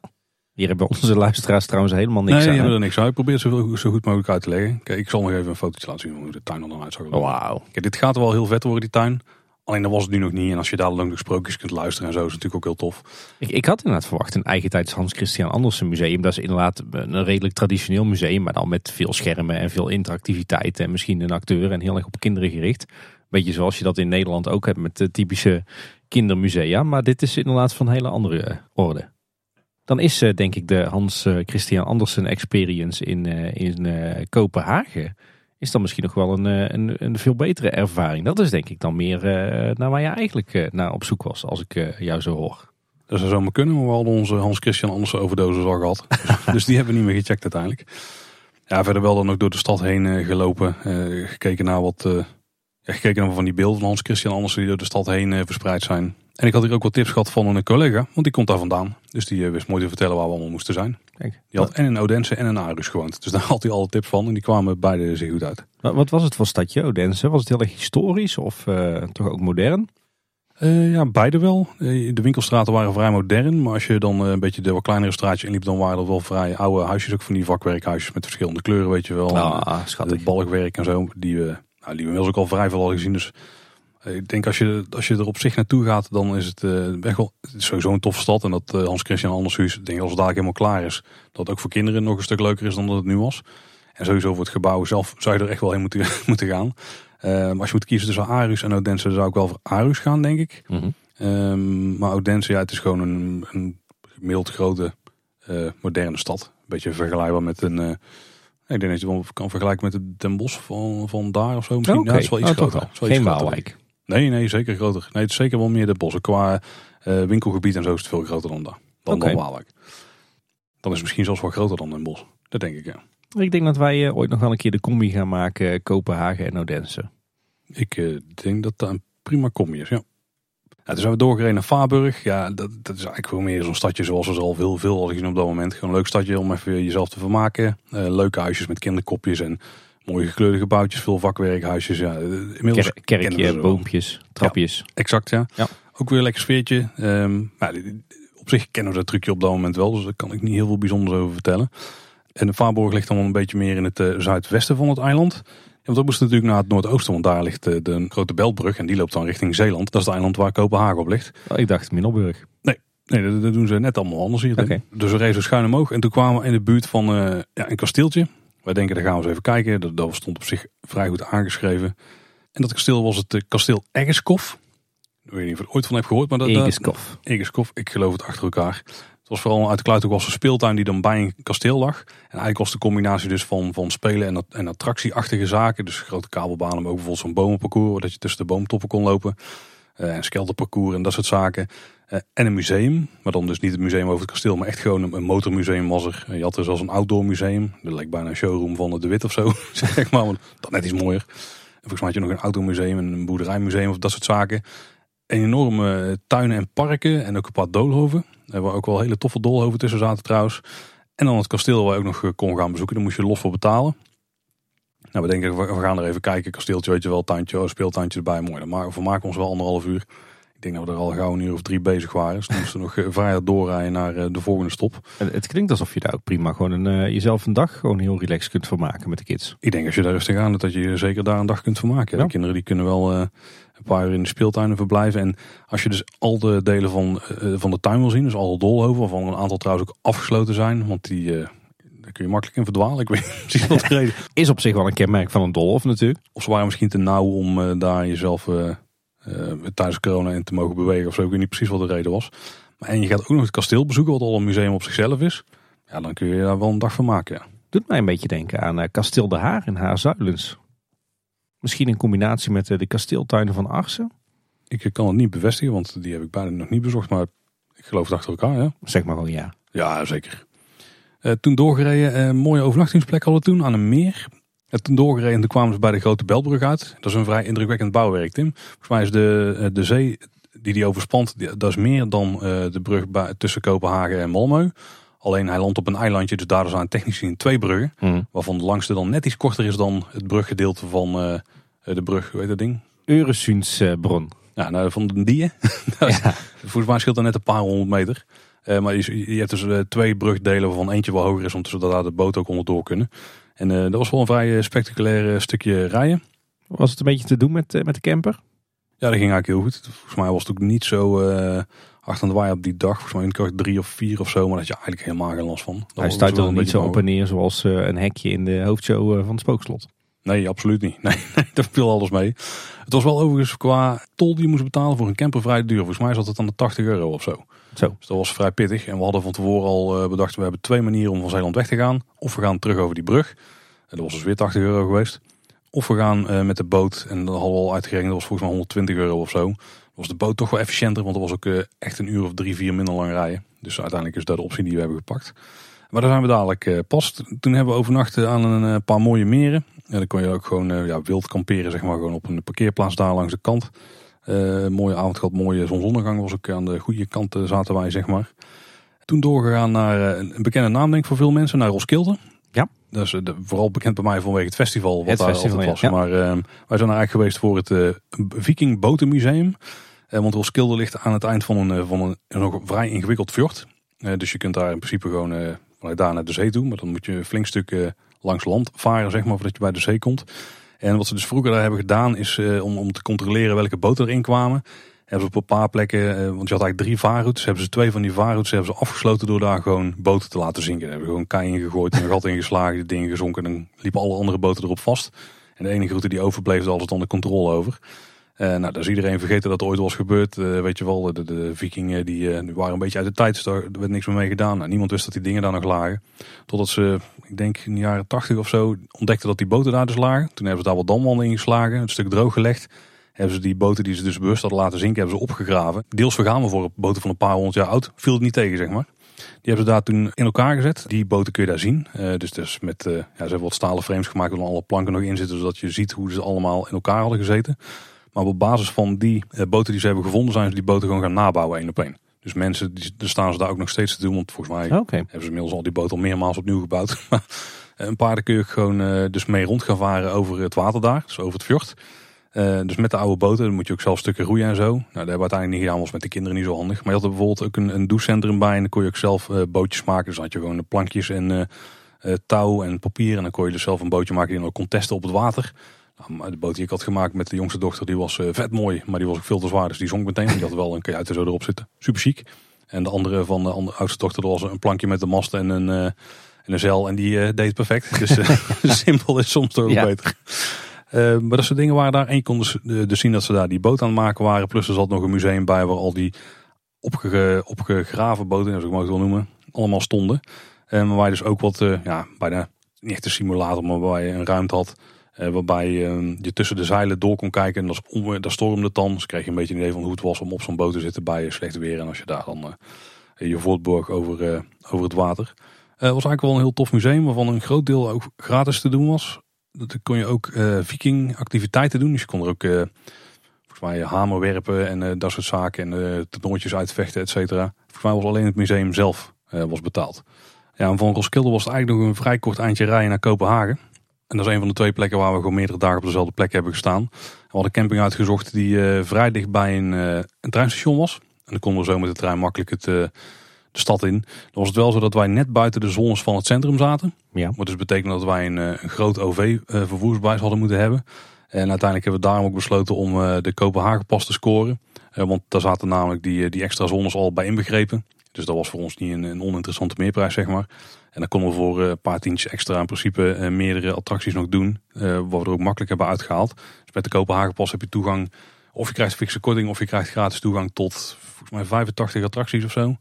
Uh, die we ook gewoon hebben ingezet om een keer naar het toilet te gaan bijvoorbeeld. Bij een museum waar we dan in de buurt waren. Want daar konden we dan toch gratis in. En hoe lang waren, bleven jullie in Kopenhagen? Nou, we zijn er drie nachten geweest, ja. We stonden vlakbij het uh, Museum van de Moderne Kunst. Dus niet het uh, Louisiana Museum of Modern Arts, maar we zaten bij Arke Museum van de Moderne Kunst. Zaten we echt een paar honderd meter vandaan. Daar keken we eigenlijk op uit vanaf de, vanaf de camping. En daar konden we dus makkelijk uh, opstappen. En wat we eigenlijk hebben gedaan is, we zijn één dag gewoon een stadswandeling eigenlijk gaan doen. Aangeraden door jou, Tim. En toen uitgestapt vlakbij, nou ja, vlakbij, eigenlijk nog best wel een end van de Kleine Zeemermin. Oké. Want daar kwam ik dus achter, die ligt helemaal niet zo centraal. Ik denk die ligt nee. echt vlakbij eh, de plek waar alles te doen is. Maar die ligt eh, vrij eh, ver buiten het centrum. Tenminste, buiten het winkelgedeelte in ieder geval van het centrum. Maar waar heel veel andere interessante dingen te doen zijn. Ja, die ligt, de, de Zeemermin ligt eigenlijk helemaal aan de noordelijke punt van ja, eigenlijk historisch Kopenhagen. Ja, nou, maar vanaf daar het eerste wat er te doen is, buiten dan het, hoe heet dat ding? Het uh, Kastellet. Ja, nou, daar, daar zijn we dus niet geweest. Uh, dat is dan nog wel te doen, maar verder is het eigenlijk een heel eind gewoon lopen naar, naar het centrum of naar de haven eigenlijk waar dan eh, van alles te doen is. Uh, maar daar begonnen bij de kleine zeemermin. Nou, zoals iedereen weet, als je er bent geweest, de ding is enorm klein en uh, valt wat dat betreft wel tegen. Maar ik moet zeggen dat de omgeving die ze er hebben gemaakt best wel uh, oké was. En dat er ook best wel veel plekken zijn waar je goed zicht op hebt. Dus dat je niet... Ja. ik heb wel eens gehoord, het is daar vet dringen. Nou, dat viel eigenlijk wel mee. Misschien ook dankzij corona. Dat denk ik wel, want wij zijn er wel een paar keer geweest dat het daar echt enorm druk was. Waarbij eigenlijk het, uh, het bewonderen van de toeristenmassa dan nog leuker is dan het bewonderen van de zeemermin zelf. Nee, bij ons waren denk ik tientallen mensen, misschien tegen de honderd of zo, die daar rondhingen. Overigens is dat kasteel, dat oude fort, was echt wel een aanrader hoor. Dus mocht je nog een keer teruggaan, dan moet je daar echt eens gewoon even een, eh, een uurtje verpozen. Want dat is echt een prachtig, uh, prachtig hoekje daar. Ja, ze waren dus ook allemaal bezig met de weg. Dus de ingang waar wij er makkelijk in hadden kunnen, die, die was dicht. Dus dan hadden we helemaal naar de andere kant moeten lopen. En anders stiekem toch een eentje kachelen met de kinderen. Groot ding. Ja. Zonder kinderwagen. Dat, is inderdaad zo'n gebied heeft de vorm van Heusden. Dus zo'n zo ja, zo'n vesting met van die uitlopende punten waar de verdedigingswerken op stonden. Uh, maar daar dus niet binnen geweest. En toen is richting de haven gelopen. En toen langs een paar interessante gebouwen gekomen. Ook bijvoorbeeld de Gevion Fontein. Of Gevion Fontein. Dat is wel een interessant ding. Want de, die verbeeldt een beetje het ontstaan van uh, het eiland Zeeland uit. En dat is uh, best wel grappig. Want de, de legende gaat dan dat dus een van de godinnen volgens mij, daar met een ploeg flink aan de gang is geweest. Want die kreeg één dag de tijd om uh, al het land te verzamelen voor het nieuw te vormen eiland. Nou, dus die spannen vier ossen voor een, uh, voor een ploeg en die zijn aan de gang gegaan. De legende gaat dus dat ze al het land heeft weggeploegd uit Zweden. En wat nou op zich mooi is, als je dus nu kijkt naar Zweden en je kijkt naar de vorm van het eiland Zeeland, dan heb je in Zweden een vrij groot meer, het Vänernmeer, als ik het goed zeg. En die vorm daarvan, die lijkt er inderdaad verdacht veel op het, op het eiland Zeeland. Dus ik snap wel waar, eh, waar die eh, legende vandaan komt. Dat was het eh, feitje waar ik de familie mee om de oren kon slaan. Zeker met Google Maps erbij. Ja, toen zo een beetje de, stad doorgelopen. Hè. Dus uh, wat kerk ingegaan. En uiteindelijk naar de Nieuwe Haven. Ja, dat is het plaatje wat je kent uit alle postkaartjes. Hè. Dus met die gekleurde huisjes op een rijtje. En die oude boten die daar in de, de gracht liggen die daar tussen ligt. heb je aan het water wel bijvoorbeeld het operagebouw gezien. En het muziekgebouw of het Koninklijk Paleis? Uiteindelijk zijn we ook op een boot gegaan. En dan krijg je met de gids ook mooi uitgelegd dus wat er allemaal te zien is. Ook door het stukje heen gevaren wat ze volgens mij Nieuw Amsterdam of zo noemen. Of, of het Amsterdam van Kopenhagen. Waar dus om de Nederlandse handelsmensen een beetje daar eh, naar hun zin te laten hebben. zeg maar, gepoogd hebben om een beetje het Amsterdamse sfeertje neer te zetten. Wat ik in het begin niet helemaal snapte, maar op een gegeven moment kom je inderdaad wel door een paar plekken waar net dat je door de Amsterdamse gracht heen vaart. Dat is uh, Christianshaven. Met uh, uh, ook een, een vrijstaat erin. Hè? Ik weet niet of je dat hebt meegekregen. Dat heb ik niet meegekregen. Je hebt daar in Christianshaven is inderdaad zeg maar het Deense Amsterdam. Maar daar heb je Christiania. En dat is een gebiedje waar het eigenlijk een soort wetteloos gebiedje is. Dus dat is um, seks, drugs en rock'n'roll. En dat wordt al, al jarenlang gedoogd door de Deense politie. En daar gebeurt alles wat het daglicht niet kan verdragen. En daar kan je als toerist ook naar binnen. Beetje een, een apart, lichtjes naargeestig gebied. Maar ik, dat vind je daar dus niet, niet per se geschikt met twee kleine kinderen. Ik weet niet wat de coronaregels daar waren. Dus dat was misschien wat bemoeilijkte. Nou, nog wel meer delen van de stad bekeken. Ook een beetje het shopdistrict, het Lego winkel natuurlijk. Daar even checken in uh, Kopenhagen mag niet missen. Ja, de Streuket hè, heet die de, de, het, eigenlijk het lange lint van winkelstraat. Ja, die was, was ook het tip van ja, dat we erheen moesten gaan. En dat was op zich mooi, want als we die straat dan uitliepen, dan kwamen we aan een groot plein. En op een hoek van dat plein, dan vonden we ja, een van de redenen dat we ook toch wel naar deze plek toe moesten, Tim. Tivoli Gardens. Juist het derde pretpark wat wij aan hebben gedaan deze vakantie. Tivoli Gardens ligt daar inderdaad. Al stonden we dan wel net op de verkeerde hoek om naar binnen te gaan, dan moesten we even de bocht om. Ja, je stond denk ik op het, het, het stadhuisplein toch? Voor het, het ja, grote stadhuis. Ook een heel mooi pleintje trouwens. Maar daar moesten we even oversteken en dan uh, nou, een stukje verder en dan konden we daar naar de befaamde poort. En Tivoli Gardens, jij, jij, jij bent er heel erg fan van hè? Absoluut, ja. Bij mij echt top 5 materiaal wereldwijd. Ja. Nou, ik, weet niet, ik weet niet of dat bij mij doet, omdat het op attractieniveau, ja, daar is, daar is het gewoon niet super spectaculair. Ik bedoel, het is ook wel een park met beperkingen. Het ligt midden in de stad, dus het heeft geen enkele uitbreidingsmogelijkheid. Alles moet gebeuren binnen de parkgrenzen. Het, is echt een, een stadspretpark, uh, geheel conform de definitie. Nou, dit is de definitie van een stadspretpark. Ja, is gewoon ja. Tivoli. Dus alle ja. andere stadspretparken moeten hier aan conformeren. Dat is meer het punt. goed gezegd. Maar het gaat ook om meer dan attracties bij zo'n park. En dat is wel, ik, ik denk dat daar waardering ook heel erg vandaan komt. Want het is echt een park waar je gewoon als, als bewoner van de stad makkelijk heel veel tijd kunt doorbrengen. Ja. En niet alleen omdat er attracties zijn, maar dus ook omdat er heel veel horeca is, maar ook omdat er heel veel shows zijn. Ja. Dat was het niveau shows was nu wel wat minder dan dat het normaal is, maar nog steeds deden ze dus wel wat optredens, uh, vooral op het grote podium. Volgens mij ook dansshows en dat soort zaken. Ja, jij zegt shows en dan denken denk, de luisteraars denken snel aan pretparkshows, maar je moet dan echt denken aan opera, aan, uh, aan koren, aan uh, klassieke orkesten, aan, aan, maar ook aan popartiesten. dus echt een beetje zoals je dat zou verwachten in een, een groot stadspark. Ja, daar op festival. Want uh, ja. een paar van die plekken in het park deden daar wel. Uh, die hadden wel een beetje dat festivalsfeertje. Gewoon een groot podium. Dat je ook kon zien dat er veel licht en geluid kon hangen. Uh, ik denk dat deel ook wel tijdelijk is. En misschien per seizoen wordt opgebouwd. Alleen, ja, nu werd dat niet helemaal ingezet. Ook omdat misschien op een doordeweekse dag waren dat de zomervakantie net was afgelopen. Maar de faciliteiten waren wel, weet je wel, met een groot veld. Ook een beetje zo'n zo'n doom, zodat het ook een beetje omhoog liep. Dat je ook goed zicht had allemaal erop.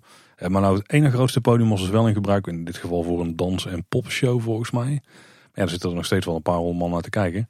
Ja, en, en echt, echt bergen horeca. Ik denk dat ze meer restaurants hebben daar dan attracties. Ik denk dat ik dan niet overdrijf. Nee, zeker. Nou, maar een paar van de attracties die er staan, die zijn wel, uh, wel aardig. Uh, de, de, de, leukste bewaring voor het aardig, zegt hij. De mooiste bewaring voor het laatste, Tim. Uh, we hebben er niet zo heel veel gedaan, want het concept daar is het weer anders dan bij de andere twee parken die ik net heb genoemd. Uh, je kunt of, ehm, nou ten eerste moet je trouwens dus betalen om binnen te komen. Ja. het bedrag is vrij klein, volgens mij 13, 14 euro of zo.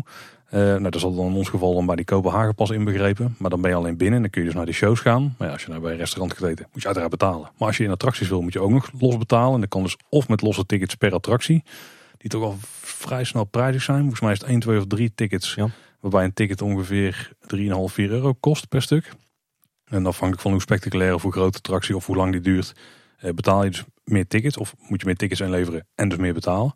Maar je kunt ook een, een polsbandje kopen en dan koop je het in principe af. Volgens mij zijn de kosten voor een polsbandje rond ja, de 40 euro denk ik. Dus 45 euro volgens mij de laatste keer dat wij okay. er waren. Nou, dus, dus, dus vergelijkbaar met een Efteling ticket. Buiten dan dat je ook nog binnen had moeten komen. Ja. Dus eigenlijk wordt het nog iets duurder. Ja, ik moet zeggen, de, de keer dat wij in Kopenhagen waren zonder kinderen, toen hebben we uh, polsbandjes genomen. De beide keer dat we naar Tivoli zijn geweest. En die hebben zich toen ook echt wel uitbetaald. Uh, de keer dat die wij heb je er vrij snel uit, ja. ja. De keer dat wij in Kopenhagen waren met de kids. Uh, toen was de jongste net geboren. Toen hebben wij, toen zijn we ook tweede keer naar Tivoli geweest. Hebben we geen polsbandjes genomen. Uh, en daar een van beide dagen wel echt spijt van gehad. En gezien we uiteindelijk veel meer geld kwijt waren aan al die tickets. Of die uh, couponger, zoals ze daar geloof ik heten in het Deens. dan dat we kwijt waren geweest aan polsbandjes voor onszelf. Dus dat was redelijk zuur. We waren rond een uur of vier met ook nog, ja, dus de, we moesten ook eten. Dus we wisten al Ja. van, oh, we gaan hier niet uren in die attracties rondhangen. Dus de rekensom was bij ons vrij simpel. Maar daardoor wel een beetje ingehouden. We hebben nog wel een paar aardige dingen kunnen doen. Eh, we zijn in die eh, vliegende kofferattractie geweest. Dat is de Hans Christian Andersen Dark Ride. Ja. Achterin het eh, park. Apart steltje, hè? Ja, het is, het is zo'n uh, omnibover systeem. Dus vergelijkbaar met Carnaval Festival. Eh, alleen dan zie je de constructie eromheen eh, gewoon zitten. Dus je kunt op heel veel plekken gewoon echt eh, nou, meters naar beneden kijken op sommige plekken. Want je gaat best wel hoog het gebouw in. Ja. Het stelt ja, het is een beetje een kruising tussen It's a Small World en eh, ja, misschien toch wel Carnaval Festival zelf. Ook ja, met, met een beetje stilistische weergaves van scènes uit de Hans Christian Andersen sprookjes. Daar Ja. komt het denk ik wel op neer. Heel stilistisch inderdaad. Ja. Maar het duurt nog, nog vrij lang. Volgens mij betaal je er twee tickets voor, dus 8 euro. Nou, dat, dat is vrij duur betaald. Eh, maar dat is al gauw in Denemarken. Zo, zo moet je nooit denken. Als je op vakantie bent, dan is alles in gedachten gewoon gratis. Nou, dat was in dit geval, kon ik me daar echt niet overheen zetten. Oké. Met aan het einde wel een vrij eh, mooie animatronic van Hans Christian Andersen. De, de bewegingen waren niet spannend, maar hij ziet er in ieder geval goed uit. Dus die was dan eh, realistisch vormgegeven, zeg maar. We zijn ook nog naar eh, ja, een kinderachtbaantje geweest. En eh, ik had op zich nog wel de BNM willen doen die daar staat. Dus eh, dat is een wat grotere achtbaan. Demonen. Maar die was dicht. Oh. Of hij was niet populair genoeg om het te draaien. Maar hij bewoog niet, dus ik heb niet eens een poging gedaan om eh, erheen te gaan. Dan heb je een mooi uitzicht over de stad als je die, eh, die achtbaan doet. Dan Ja. krijg je pas, heb je pas echt die vibe van het stadspretpark te Ik wel pakken. begreep dat de achtbaan zelf niet per se heel boeiend was. Maar Voor, voor een BNM is die heel erg schokkerig en Oh, rammelig. Oké, nou dan had ik op zich ook wel willen meemaken. Maar eigenlijk was de, de re- enige reden Tim, dat ik hier naartoe ging, was eh, de achtbaan die jij ooit hebt omschreven als een van jouw favoriete attracties ooit. De roetjebanen. De Roetjebaan, ja. Dat is een, een hele oude achtbaan. Nou, de details die weet jij vast zeker beter uit je hoofd dan ik. Eh, een, een houten achtbaan uit 1914. Ja, en die is helemaal ingekleed in een berg, dus in een soort berglandschap. Een beetje een El Chivo Big Thunder Mountain, zeg maar. Ja. Avant la lettre, hè? dus echt de voorganger. En de baanverloop is eigenlijk ook vrij simpel. Eh, je gaat de, ja, vaak gewoon een bocht om en dan alle, bijna alle afdalingen zijn gewoon recht naar beneden. En dan aan de andere kant recht omhoog kom je boven en maak je weer een bocht, ga je de andere kant op. Zo twee punten waar die even dan de andere kant op draait dan dat je verwacht. Dus dan maak je even een achtje volgens mij op eh, een beetje aan het einde. Hij is intens toch qua, qua snelheid en qua drops en qua donker. Ja, maar dat komt eigenlijk allemaal vooral door één heel belangrijk aspect van die baan. Wat je je misschien niet direct bij een eh, achtbaan voorstelt. Eh, maar ja, dit is gewoon echt een hele oude achtbaan. Ten eerste. Dus dat helpt al met de spectaculaire waarde. Er waren nog weinig normen en rekenprogramma's destijds. Ja, waarvan ik me ook afvraag in hoeverre bijvoorbeeld ook wieltjes aan de onderkant zitten. Om de trein echt op de baan te houden. Zou Volgens zomaar, mij niet. zou zomaar kunnen, maar ik heb het idee dat die er niet zitten. Volgens mij zijn er wel Nee. eh, eh, wielen om de trein een beetje midden van de baan te houden. Eh, frictiewielen. Dus die zorgen dat je niet van de baan afschiet. Ja, dit is een achtbaan die gaat op zwaartekracht. Maar als je alleen op zwaartekracht zou gaan, dan zou die iets te hard gaan. Dan eindig je in het centrum van Kopenhagen. Ja, dan vlieg je er zo ervan af. in Dus het centraal station. dus er staat ook eh, een remman op de trein. Of remvrouw. Of remvrij. In mijn geval was de remman. En denk je, remman, wat doet hij dan? Nou, dat is iemand die staat gewoon eigenlijk op de plek waar anders mensen zitten. Eh, maar één plek kun je dan staan en er zit een grote hendel aan. En daarmee kan hij de trein afremmen. Ik zat vlak voor de remman, dus ik kon een beetje meekrijgen wat hij deed. Eigenlijk iedere keer als je naar beneden gaat, dan gaat hij vrij hard. En dan vlak voordat je boven bent, dan remt hij een beetje af. Zodat de bocht waar je dan daarna ingaat, dat je daar niet uitvliegt. En dat is eigenlijk wat de remman eh, continu aan het doen is. Dus een beetje jou gecontroleerd de bocht heen laten gaan vooral. Maar je gaat dus vrij spectaculair naar beneden en omhoog. En daar, dan krijg je echt gewoon leuke G-krachten. En een vrij spectaculair baantje wat dat betreft. En je gaat er naar een paar plekken naar binnen en zo. Maar het feit dat iemand dat toch het allemaal in handen heeft. En dat er geen technologie achter zit die alles heel precies heeft berekend en zo. Daar geeft het toch wel... Ja, dan maakt het wel extra spectaculair. Spannend hè? Ik Ja. vond het een heel tof baantje. En ook maar twee tickets trouwens voor, eh, voor dit park. Terwijl ik had verwacht dat het een drie ticket attractie zou zijn. Z- Zijn jouw dochters meegegaan? Want er is volgens mij amper eh, lengterestrictie. Die, er was helemaal geen restrictie. Maar die zaten een showtje te kijken. En toen ben ik gauw die eh, baan gaan doen. Dus die zijn niet mee geweest. Oké, ja, mijn oudste van vier die is er wel een aantal keer in geweest. Die was helemaal fan. Alleen daarna was ze in Nederland zwaar teleurgesteld dat ze in geen enkele achtbaan mocht. Want ja, in Tivoli mocht het wel. Nou, ik moet zeggen dat die Joris en de Draak nog wel iets spectaculairder is. Maar die missen wel een deel van het eh, sfeertje. Hij duurt trouwens ook nog verdacht lang. Ja. Oh, en ook nog wel de moeite om te noemen is de, de lift. Normaal gesproken word je natuurlijk in een ketting gehaakt. Maar hier zie je gewoon voor je eigenlijk een staalkabel gespannen. Maar die is gespannen, dus die, die hangt niet zeg maar, met de bocht, eh, hoe moet noemen, met de lift mee. Maar die staat gewoon eh, strak naar voren. En ja, omdat het karretje zwaarder is, duwt die, duwt die trein eigenlijk tegen de lift heel aan. Dus het ziet er ook wel vrij bijzonder uit. En dan heb je, dan heb je meteen het idee van, oh ja, ik zit in een oud ding. Ja. Ik moet zeggen, er staat een vergelijkbare achtbaan in Bakken. Dat is ook een, eh, ja, ze noemen het stadspretpark, maar het is eigenlijk een lab asfalt midden in het bos met een hoop kermisattracties. Uh, alhoewel de meningen daarover verdeeld zijn. Overigens het, het alleroudste pretpark ter wereld. Ehm, daar staat een variant van deze achtbaan, maar daar is de remman of remvrouw eraf. En daar zitten uh, blokremmen in. En dat is echt een verschrikkelijk ding. dus laten we hopen dat dat nooit gebeurt met de roetjebanen. Nee, daar zou wel heel veel van de charme weghalen, ja. Nou, dat was, onze eerste dag Kopenhagen was uh, toen voorbij. De tweede dag zijn we eigenlijk wat andere delen van de stad gaan verkennen buiten het centrum zelf. En de voornaamste plek waar we toen terecht zijn gekomen was eerst de Kopenhagen Zoo. En het park wat daar eh, buiten ligt. En die zoo die was eigenlijk, of de zoo, weet ik, wat is het nou? De zoo, hè? Zo, ja. Nou, dat was eigenlijk een van de mooie waar ik ooit ben geweest, denk ik. De mannen van Zoom site die mogen dat eh, bevestigen of ontkrachten. Ben ik het mee eens en ik weet dat zij er ook wel een zwak voor hebben, allebei, ja. Ja, en dat komt door dat de collectie is vrij compleet, terwijl het park niet eens zo heel groot is. maar ook de architectuur is indrukwekkend. de verblijven zijn gewoon heel mooi modern. Volgens mij wordt er ook vrij veel bijgewerkt iedere, iedere zoveel jaar. Ik heb niet het idee dat ik in een verblijf heb gestaan die ouder zijn dan 15 jaar bijvoorbeeld. Ja, die zullen misschien nog wel een aantal zijn geweest, maar... En je hebt die uitkijktoren, hè? die is redelijk oud. Die is oud, ja, maar die was ook wel redelijk dicht. maar een nieuwe, volgens mij een vrij nieuw ijsberenverblijf. Een heel mooi pandaverblijf trouwens. Ja. Uh, ook een heel uh, tof olifantenverblijf. En dan had je ook nog aan de andere kant van de straat, want dat is ook wel bijzonder. Het park ligt aan twee kanten van gewoon een doorgaande weg. En je gaat dan onder de weg door, kun je naar het andere deel. Ook daar mooie nieuwe verblijven bij de neushoorns en de giraffen en zo. Dus, ja, je hebt een ontzettend mooie savanne. Ja, in het algemeen misschien een heel tof park. Ook een leuke horeca trouwens, met wat, een beetje van die foodtrucks en zo. met allemaal bijzondere gerechten, zeg maar. Niet de standaard friet- en hamburgerzaken. Maar wat vond jij eigenlijk van de Denen? De Denen in het algemeen? Ja, of misschien de Kopenhagers. met die vraag. Uh, nou ja, dat is wel een beetje een ding. Want normaal gesproken als je op vakantie gaat, dan uh, krijg je al vrij snel wat leer wat woordjes van de, van de taal van het land en zo. En dan heb je wel interactie met mensen uh, als je ergens gaat eten. Maar dat was natuurlijk nou een stuk minder. Dus de interactie met de Denen direct, ja, die was er eigenlijk niet zo heel veel. Zeg maar, we zijn ook niet zo super vaak uit eten gegaan. Ook gewoon vanwege de maatregelen, maar ook gewoon om wat kosten te drukken. De Denen die we hebben gesproken, die, die waren super aardig. De, de, de heel ja, hele vriendelijke mensen, helemaal niet kil of zo, eh, terwijl je dan misschien wel verwacht. Als je bijvoorbeeld de Noren zijn er iets meer volgens mij in de, de ja. iets afstandelijk en de Finnen trouwens helemaal afstandelijk. Dat, is ook de grap daar, hè? dat ze van de anderhalve meter weer terug gaan naar het oude normaal van 2,5 meter. Ja, ja precies. Ik, ja, ik heb er niet echt een mening over kunnen vormen over de Denen. Ja. ja, de Denen staan op zich bekend als vrij stug, maar ik vind juist de Kopenhagers uh, redelijk relaxed, laid back. Ja, op de, op de een of andere manier hangt in die stad altijd een soort festivalsfeertje, heb ik het idee.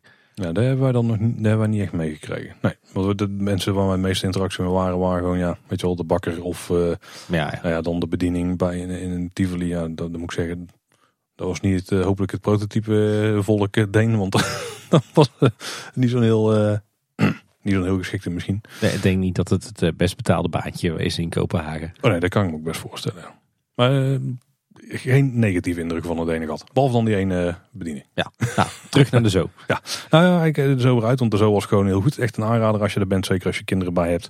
Enige nadeel vond ik dat, uh, wat ik wel had verwacht, is dat die makkelijk bereikbaar zou zijn met de metro of met de trein. En eigenlijk het enige wat er aan openbaar vervoer stopt, is een bus die dan om de hoek zelfs stopt.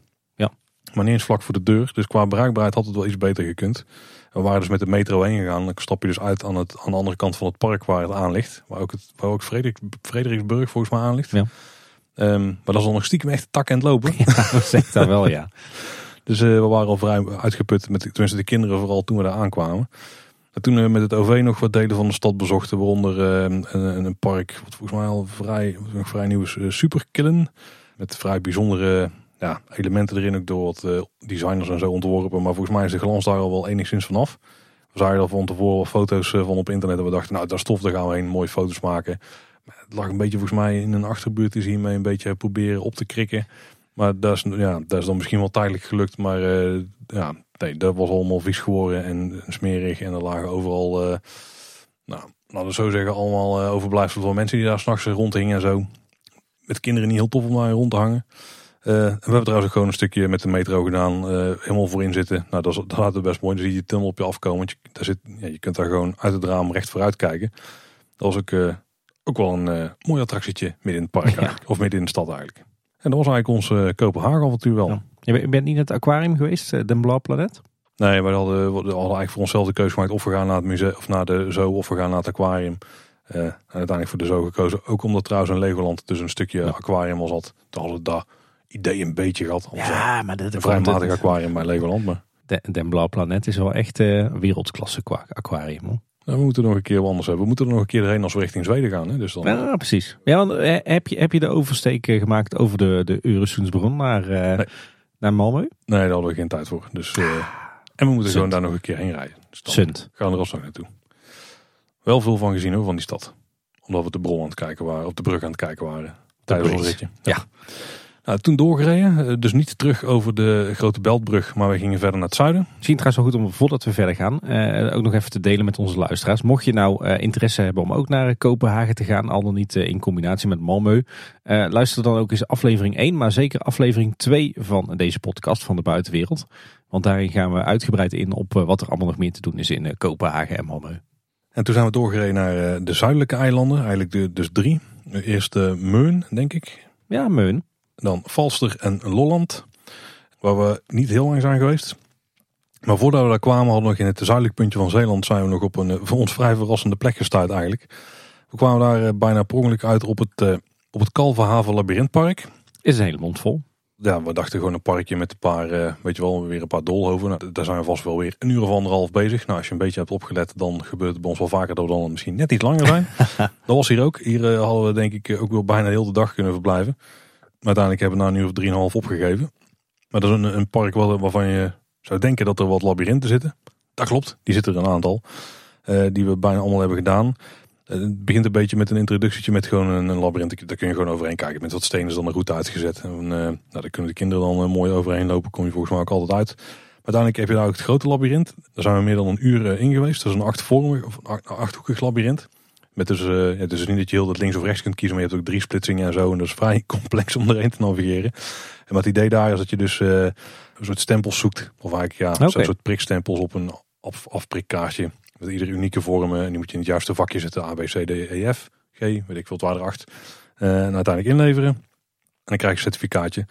Maar dat is dus een vrij complex labyrint. En Daar zijn we dus, dus een uur bezig geweest. Dus hebben we ons heel goed vermaakt. Je hebt niet je drone even opgelaten. Nou ja, ik dacht van misschien kunnen we nog in Google Maps van bovenaf kijken. Maar daar heb je niks aan. Want de plekken waar die, eh, waar die klemmetjes zitten, die veranderen nog wel eens. Ah. Je zag wel dat er zeg maar 15 plekken waren waar ze, waar ze hadden kunnen zitten. Maar ze roleren gewoon om het eh, interessant te houden.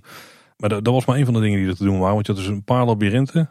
Eh, Volgens mij drie of vier, vijf, ik weet het niet eens.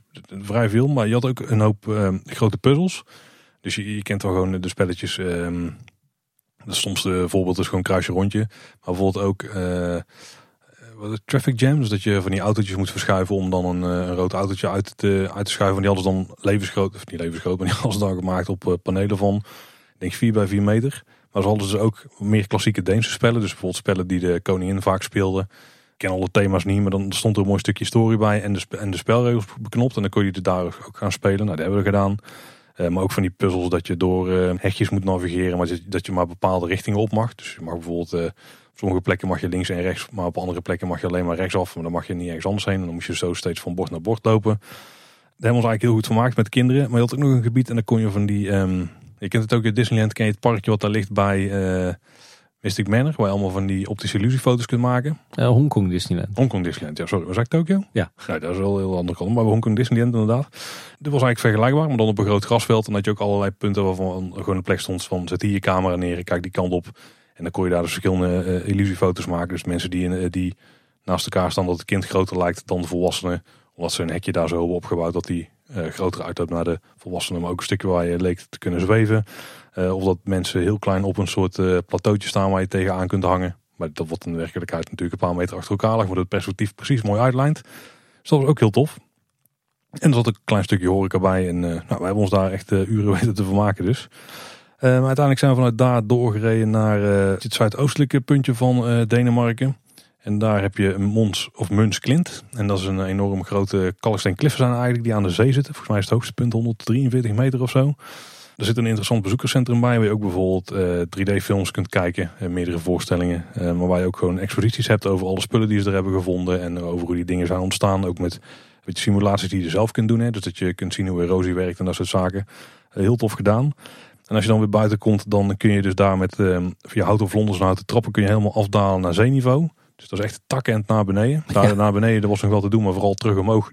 Daar hebben we 2,5 keer zo lang over gedaan als naar beneden. Want dat was iets pittiger. Met, met kinderen op de arm of in de nek? Nee, die hebben zelf gelopen. Nou, knap. Nou, daar hebben we, uiteindelijk hebben we er trouwens de ochtend erna gedaan. Want we hebben daar al overnacht op het parkeerterrein. Hmm. Dat was eh, gedoofd. We hebben, nog, hebben nog gecheckt. Zei, ja, ik mag het niet, maar blijf maar gewoon staan.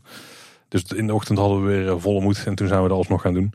En dan heb je heel tof uitzicht dus over die kliffen. Is er een beetje zoals eh, bij Dover? Ja, dat is eigenlijk wel hetzelfde. Ja. Alleen deze zijn nog net iets hoger. Net even gecheckt, maar die in Dover is 110 meter hoog. En daar dus eh, ja, een dikke 30 meter hoger. Alleen je kunt er niet vanaf een afstand naar kijken. Want die in Dover hebben wij tot nu toe alleen nog maar gezien vanuit Frankrijk. Maar dat is wel tof dat je ze aan de andere kant van het water kunt zien. Nou, uiteindelijk zijn we dus ehm, over die andere eilanden eh, zijn we teruggereden, of zijn we verder gereden naar eh, de plek waar wij gingen oversteken. Terug naar Duitsland.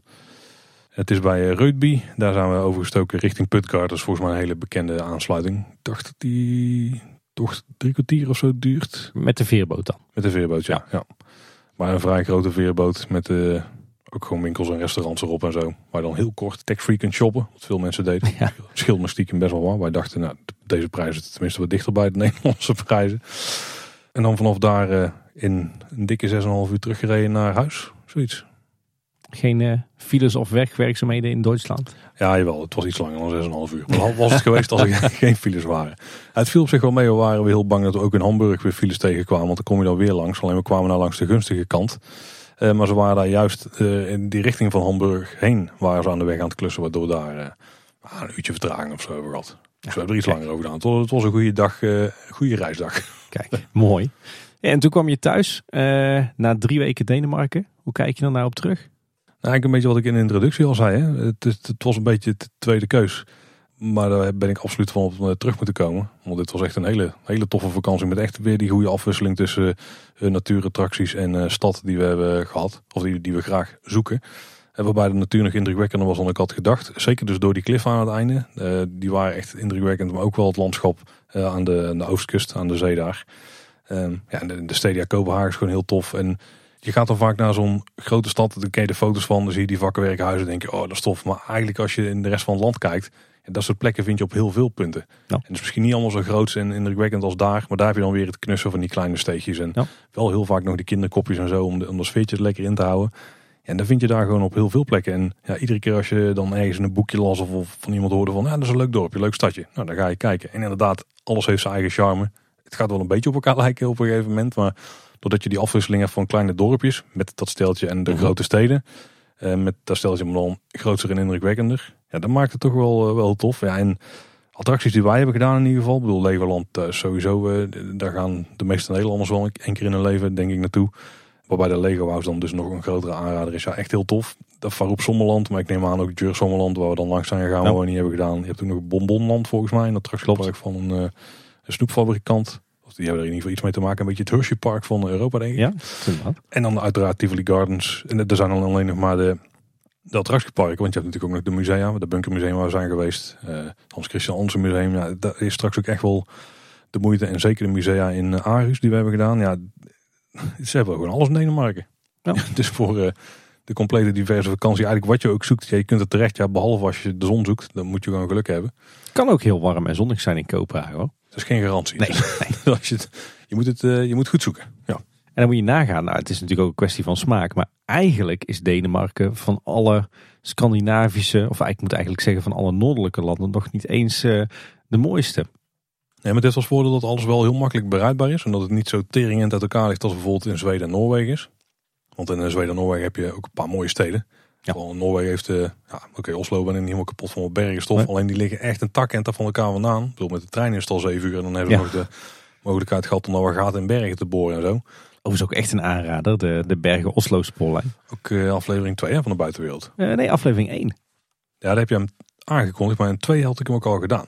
Dus hebben we nog Toen had, ja, ja, ja, klopt inderdaad, ja. Maar hier is er tussendoor ook gewoon heel veel interessants te zien buiten de gewoon natuur. Want de natuur in Noorwegen, daar, daar kan dit allemaal niet aan tippen hoor. En in, in Zweden, nou, Zweden is het ook allemaal qua hoogteverschillen en, eh en grootheid eh, uitgestrektheid van natuur ook wel indrukwekkender dan hier.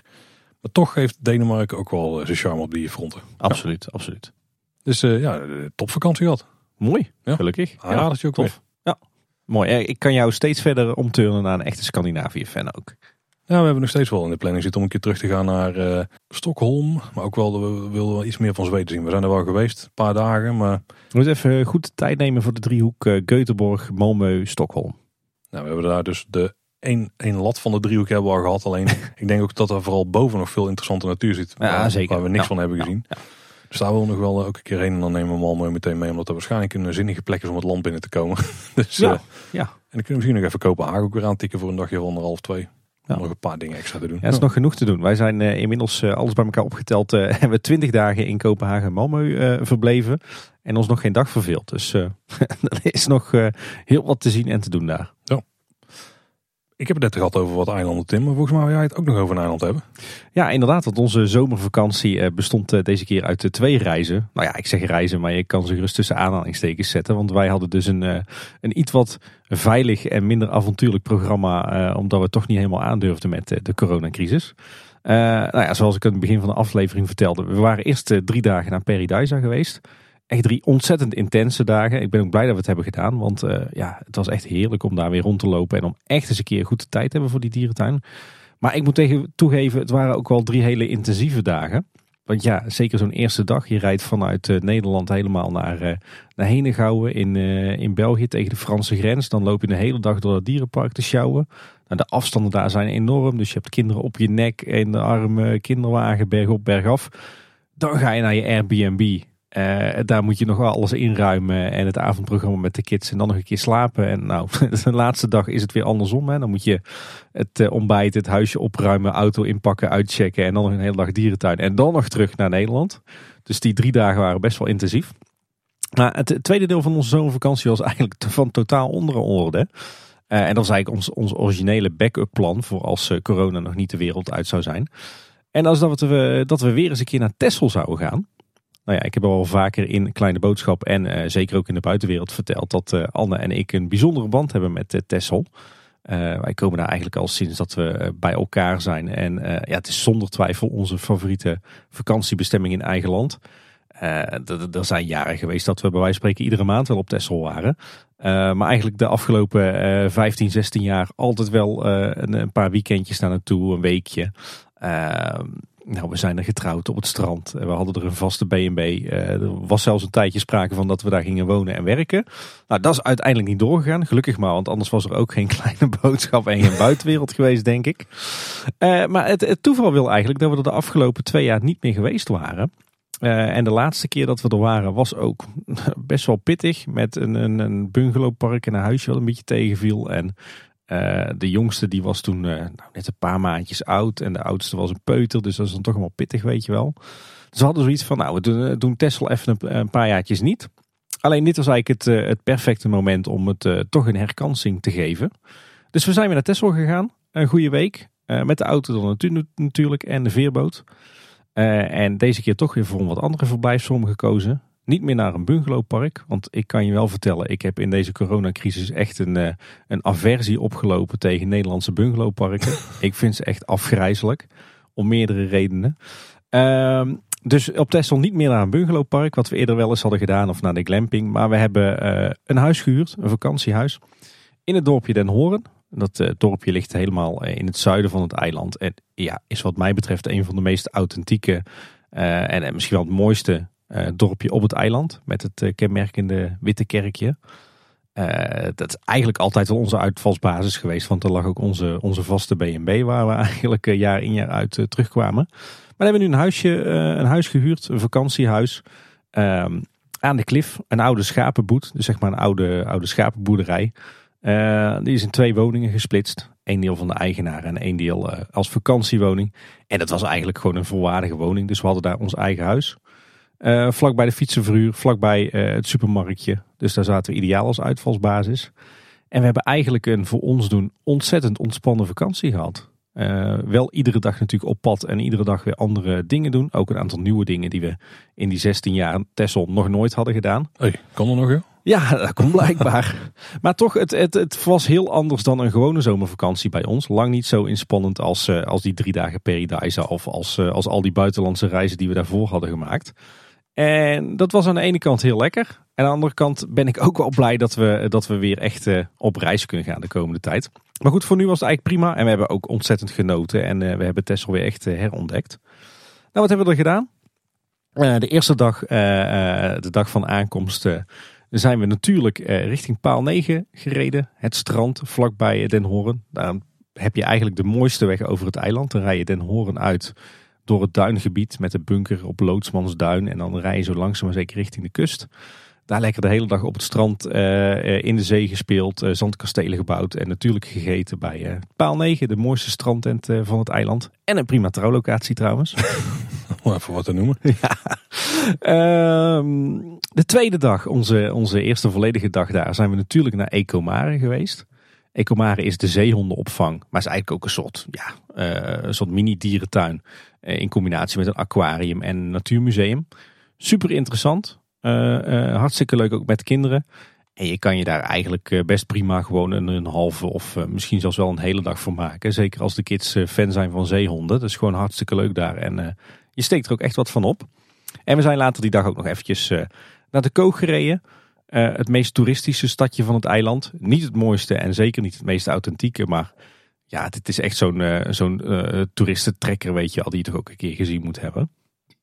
Nou, de, de, de zondag op het eiland was een compleet verregende dag. Overigens ook de enige dag dat we echt slecht weer hadden. Maar toen hebben we onze originele plannen toch door laten gaan. We zijn naar de schapenboerderij Tessel geweest. Nou ja, dat is eigenlijk wat je, wat je wel verwacht als je die naam hoort. Een schapenboerderij, nog in, in bedrijf, waar je demonstraties schaapbedrijven kan bekijken.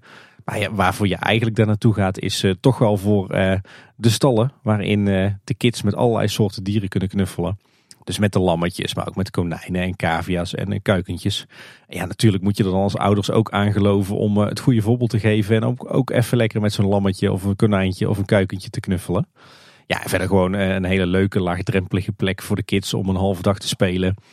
lekker buiten in de speeltuin, aan de kabelbaan, op een uh, traptractortje spelen in de hooiberg.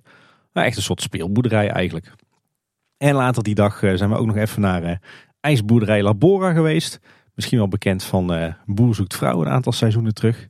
En daar heb je heerlijk ijs. Allebei een aardbeien knoepert genomen. Nou, de naam zegt eigenlijk wel genoeg. Goeie naam, ja. ja.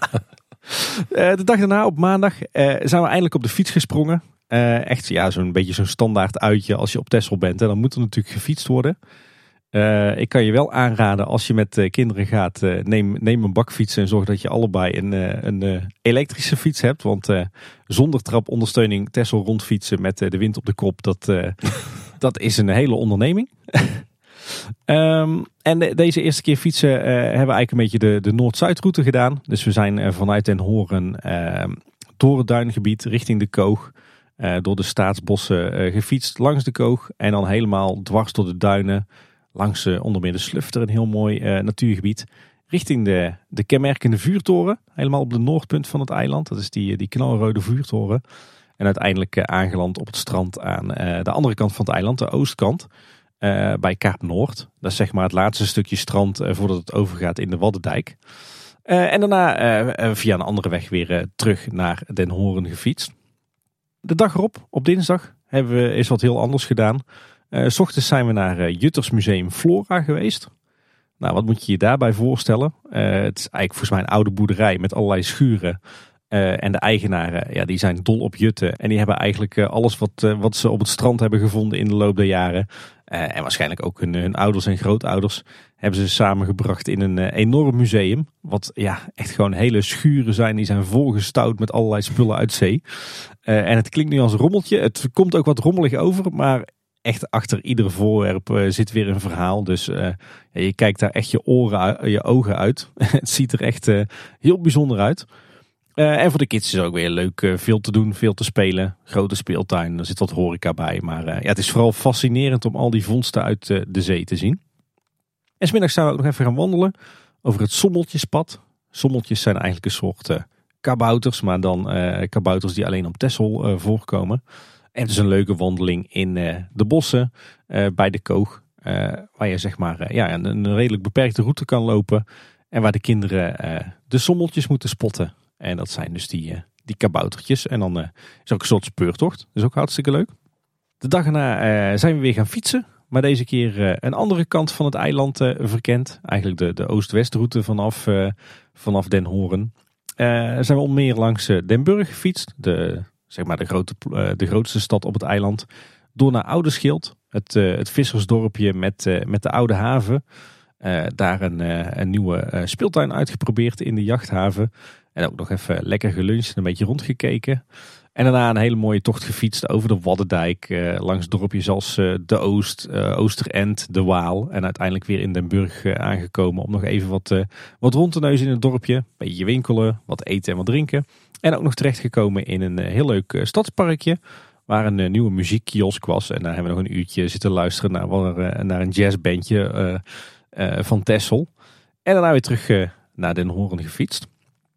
Daarna op uh, donderdag, de voorlaatste dag op het eiland, hebben we ochtends de boot gepakt naar Den Helder. Uh, niet met de auto, maar gewoon te voet. Dus dan uh, kost het ook stukken minder. want eigenlijk al die keren dat we naar Texel reden, dwars door Den Helder heen, kwamen we langs onder meer het Marinemuseum. En dat zag er toch altijd wel aantrekkelijk uit. Dus we dachten, nou, dit is een ideale kans om dat eens een keer te gaan bezoeken. Dus uh, s ochtends naar de Veerhaven gereden, te voet de overtocht gemaakt. En we zijn het, naar het Marinemuseum geweest. Maar daar kun je dan gewoon heen lopen? Ja, dat ligt echt, echt op loopafstand. Nou, het is denk ik twee minuutjes lopen vanaf de Veerhaven oh, aan de kant van Den Helder. En nou ja, wat, wat, wat de naam eigenlijk al zegt, het is een museum geheel gewijd aan de Koninklijke Marine. Um, gaat alle kanten op. Je hebt een, een heel oud gebouw waarin je ja, echt een, typisch museale tentoonstelling hebt met, uh, over de geschiedenis van de marine. Hè? Dus met de schilderijen en de scheepsmodellen en de wapens en de uniformen. Je kent het wel. Uh, maar er ligt ook een, eh, een enorme onderzeeboot, de Tonijn. Daar, daar kan je in. daar kan je een route lopen en zo dus ervaren hoe het is om in een onderzeeër te werken. En op de trein heb je verder nog een, nog een aantal loodsen waar je in kan, waar dingen te zien zijn. Er ligt een mijnenveger waar je in kan. Er ligt een, een groot schip uit rond 1900 waar je in kan kijken. super interessant als je wat hebt met de zeevaart, de marine, het leger. Onze oudste van 4,5 die vond het super boeiend. De jongste van 2,5 die, ja, die was er op een gegeven moment wel klaar mee. Dus toen zijn we maar buiten wat anders gaan doen. En na een half dagje Marine Museum even lekker daar uh, een rondje gewandeld over Willemsoord. Dat is zeg maar een beetje het, oude haventerrein waar het Marine Museum ook onderdeel van uitmaakt. En daar ook echt heerlijk geluncht. Ik denk het lekkerste geluncht van de hele vakantie. En nou, daarna weer de veerboot teruggepakt naar Texel. En uh, daar uh, s'avonds nog even naar paal 9 gegaan voor een uh, heerlijk avondeten en nog een paar uurtjes aan het strand. En onze laatste dag op Texel zijn we voordat we de boot naar huis hebben gepakt ook nog even naar Texel Zoo geweest. Dat is ja, eigenlijk een hele kleine dierentuin. Bestaat uit een aantal kassen waar ze ja, een soort mini Burgers Bush hebben nagebouwd. Met wat, wat vogels, wat vissen en buiten staan ook nog wat dieren. Dus dat is een prima vermaak voor een ochtendje voordat je de veerboot naar huis pakt. Ja, nog net een soort je net hier op een foto ja. Ja, klopt inderdaad. Ja. Ja, en toen uh, de rit terug naar huis. En toen uh, zat onze ruime week uh, Tessel er weer op. En daarna hebben we nog allerlei leuke uitjes in eigen land gedaan. Maar daar hebben we het in kleine boodschappen allemaal al over gehad. Maar ja, dit was dus onze, onze alternatieve coronavakantie in 2021. En je zegt dan, we hebben het rustig aangedaan. Nou, het Klonk wel eens een actieve vakantie. Voor ons doen is dit rustig aan. We waren echt totaal ontspannen toen we, toen we naar huis gingen. Waarschijnlijk ook omdat je, ja, je kent Tessel uh, door en door. Ik denk dat we er allebei blind de weg kunnen vinden. Dus je weet precies hoe je moet rijden, waar je moet zijn, waar je wat kunt vinden.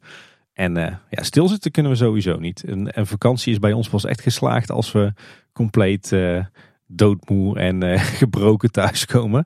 Dus dat was deze keer iets minder het geval. Maar het was wel lekker. Dat contrasten enerzijds drie dagen Peridaisa heel erg intens en heel erg intensief.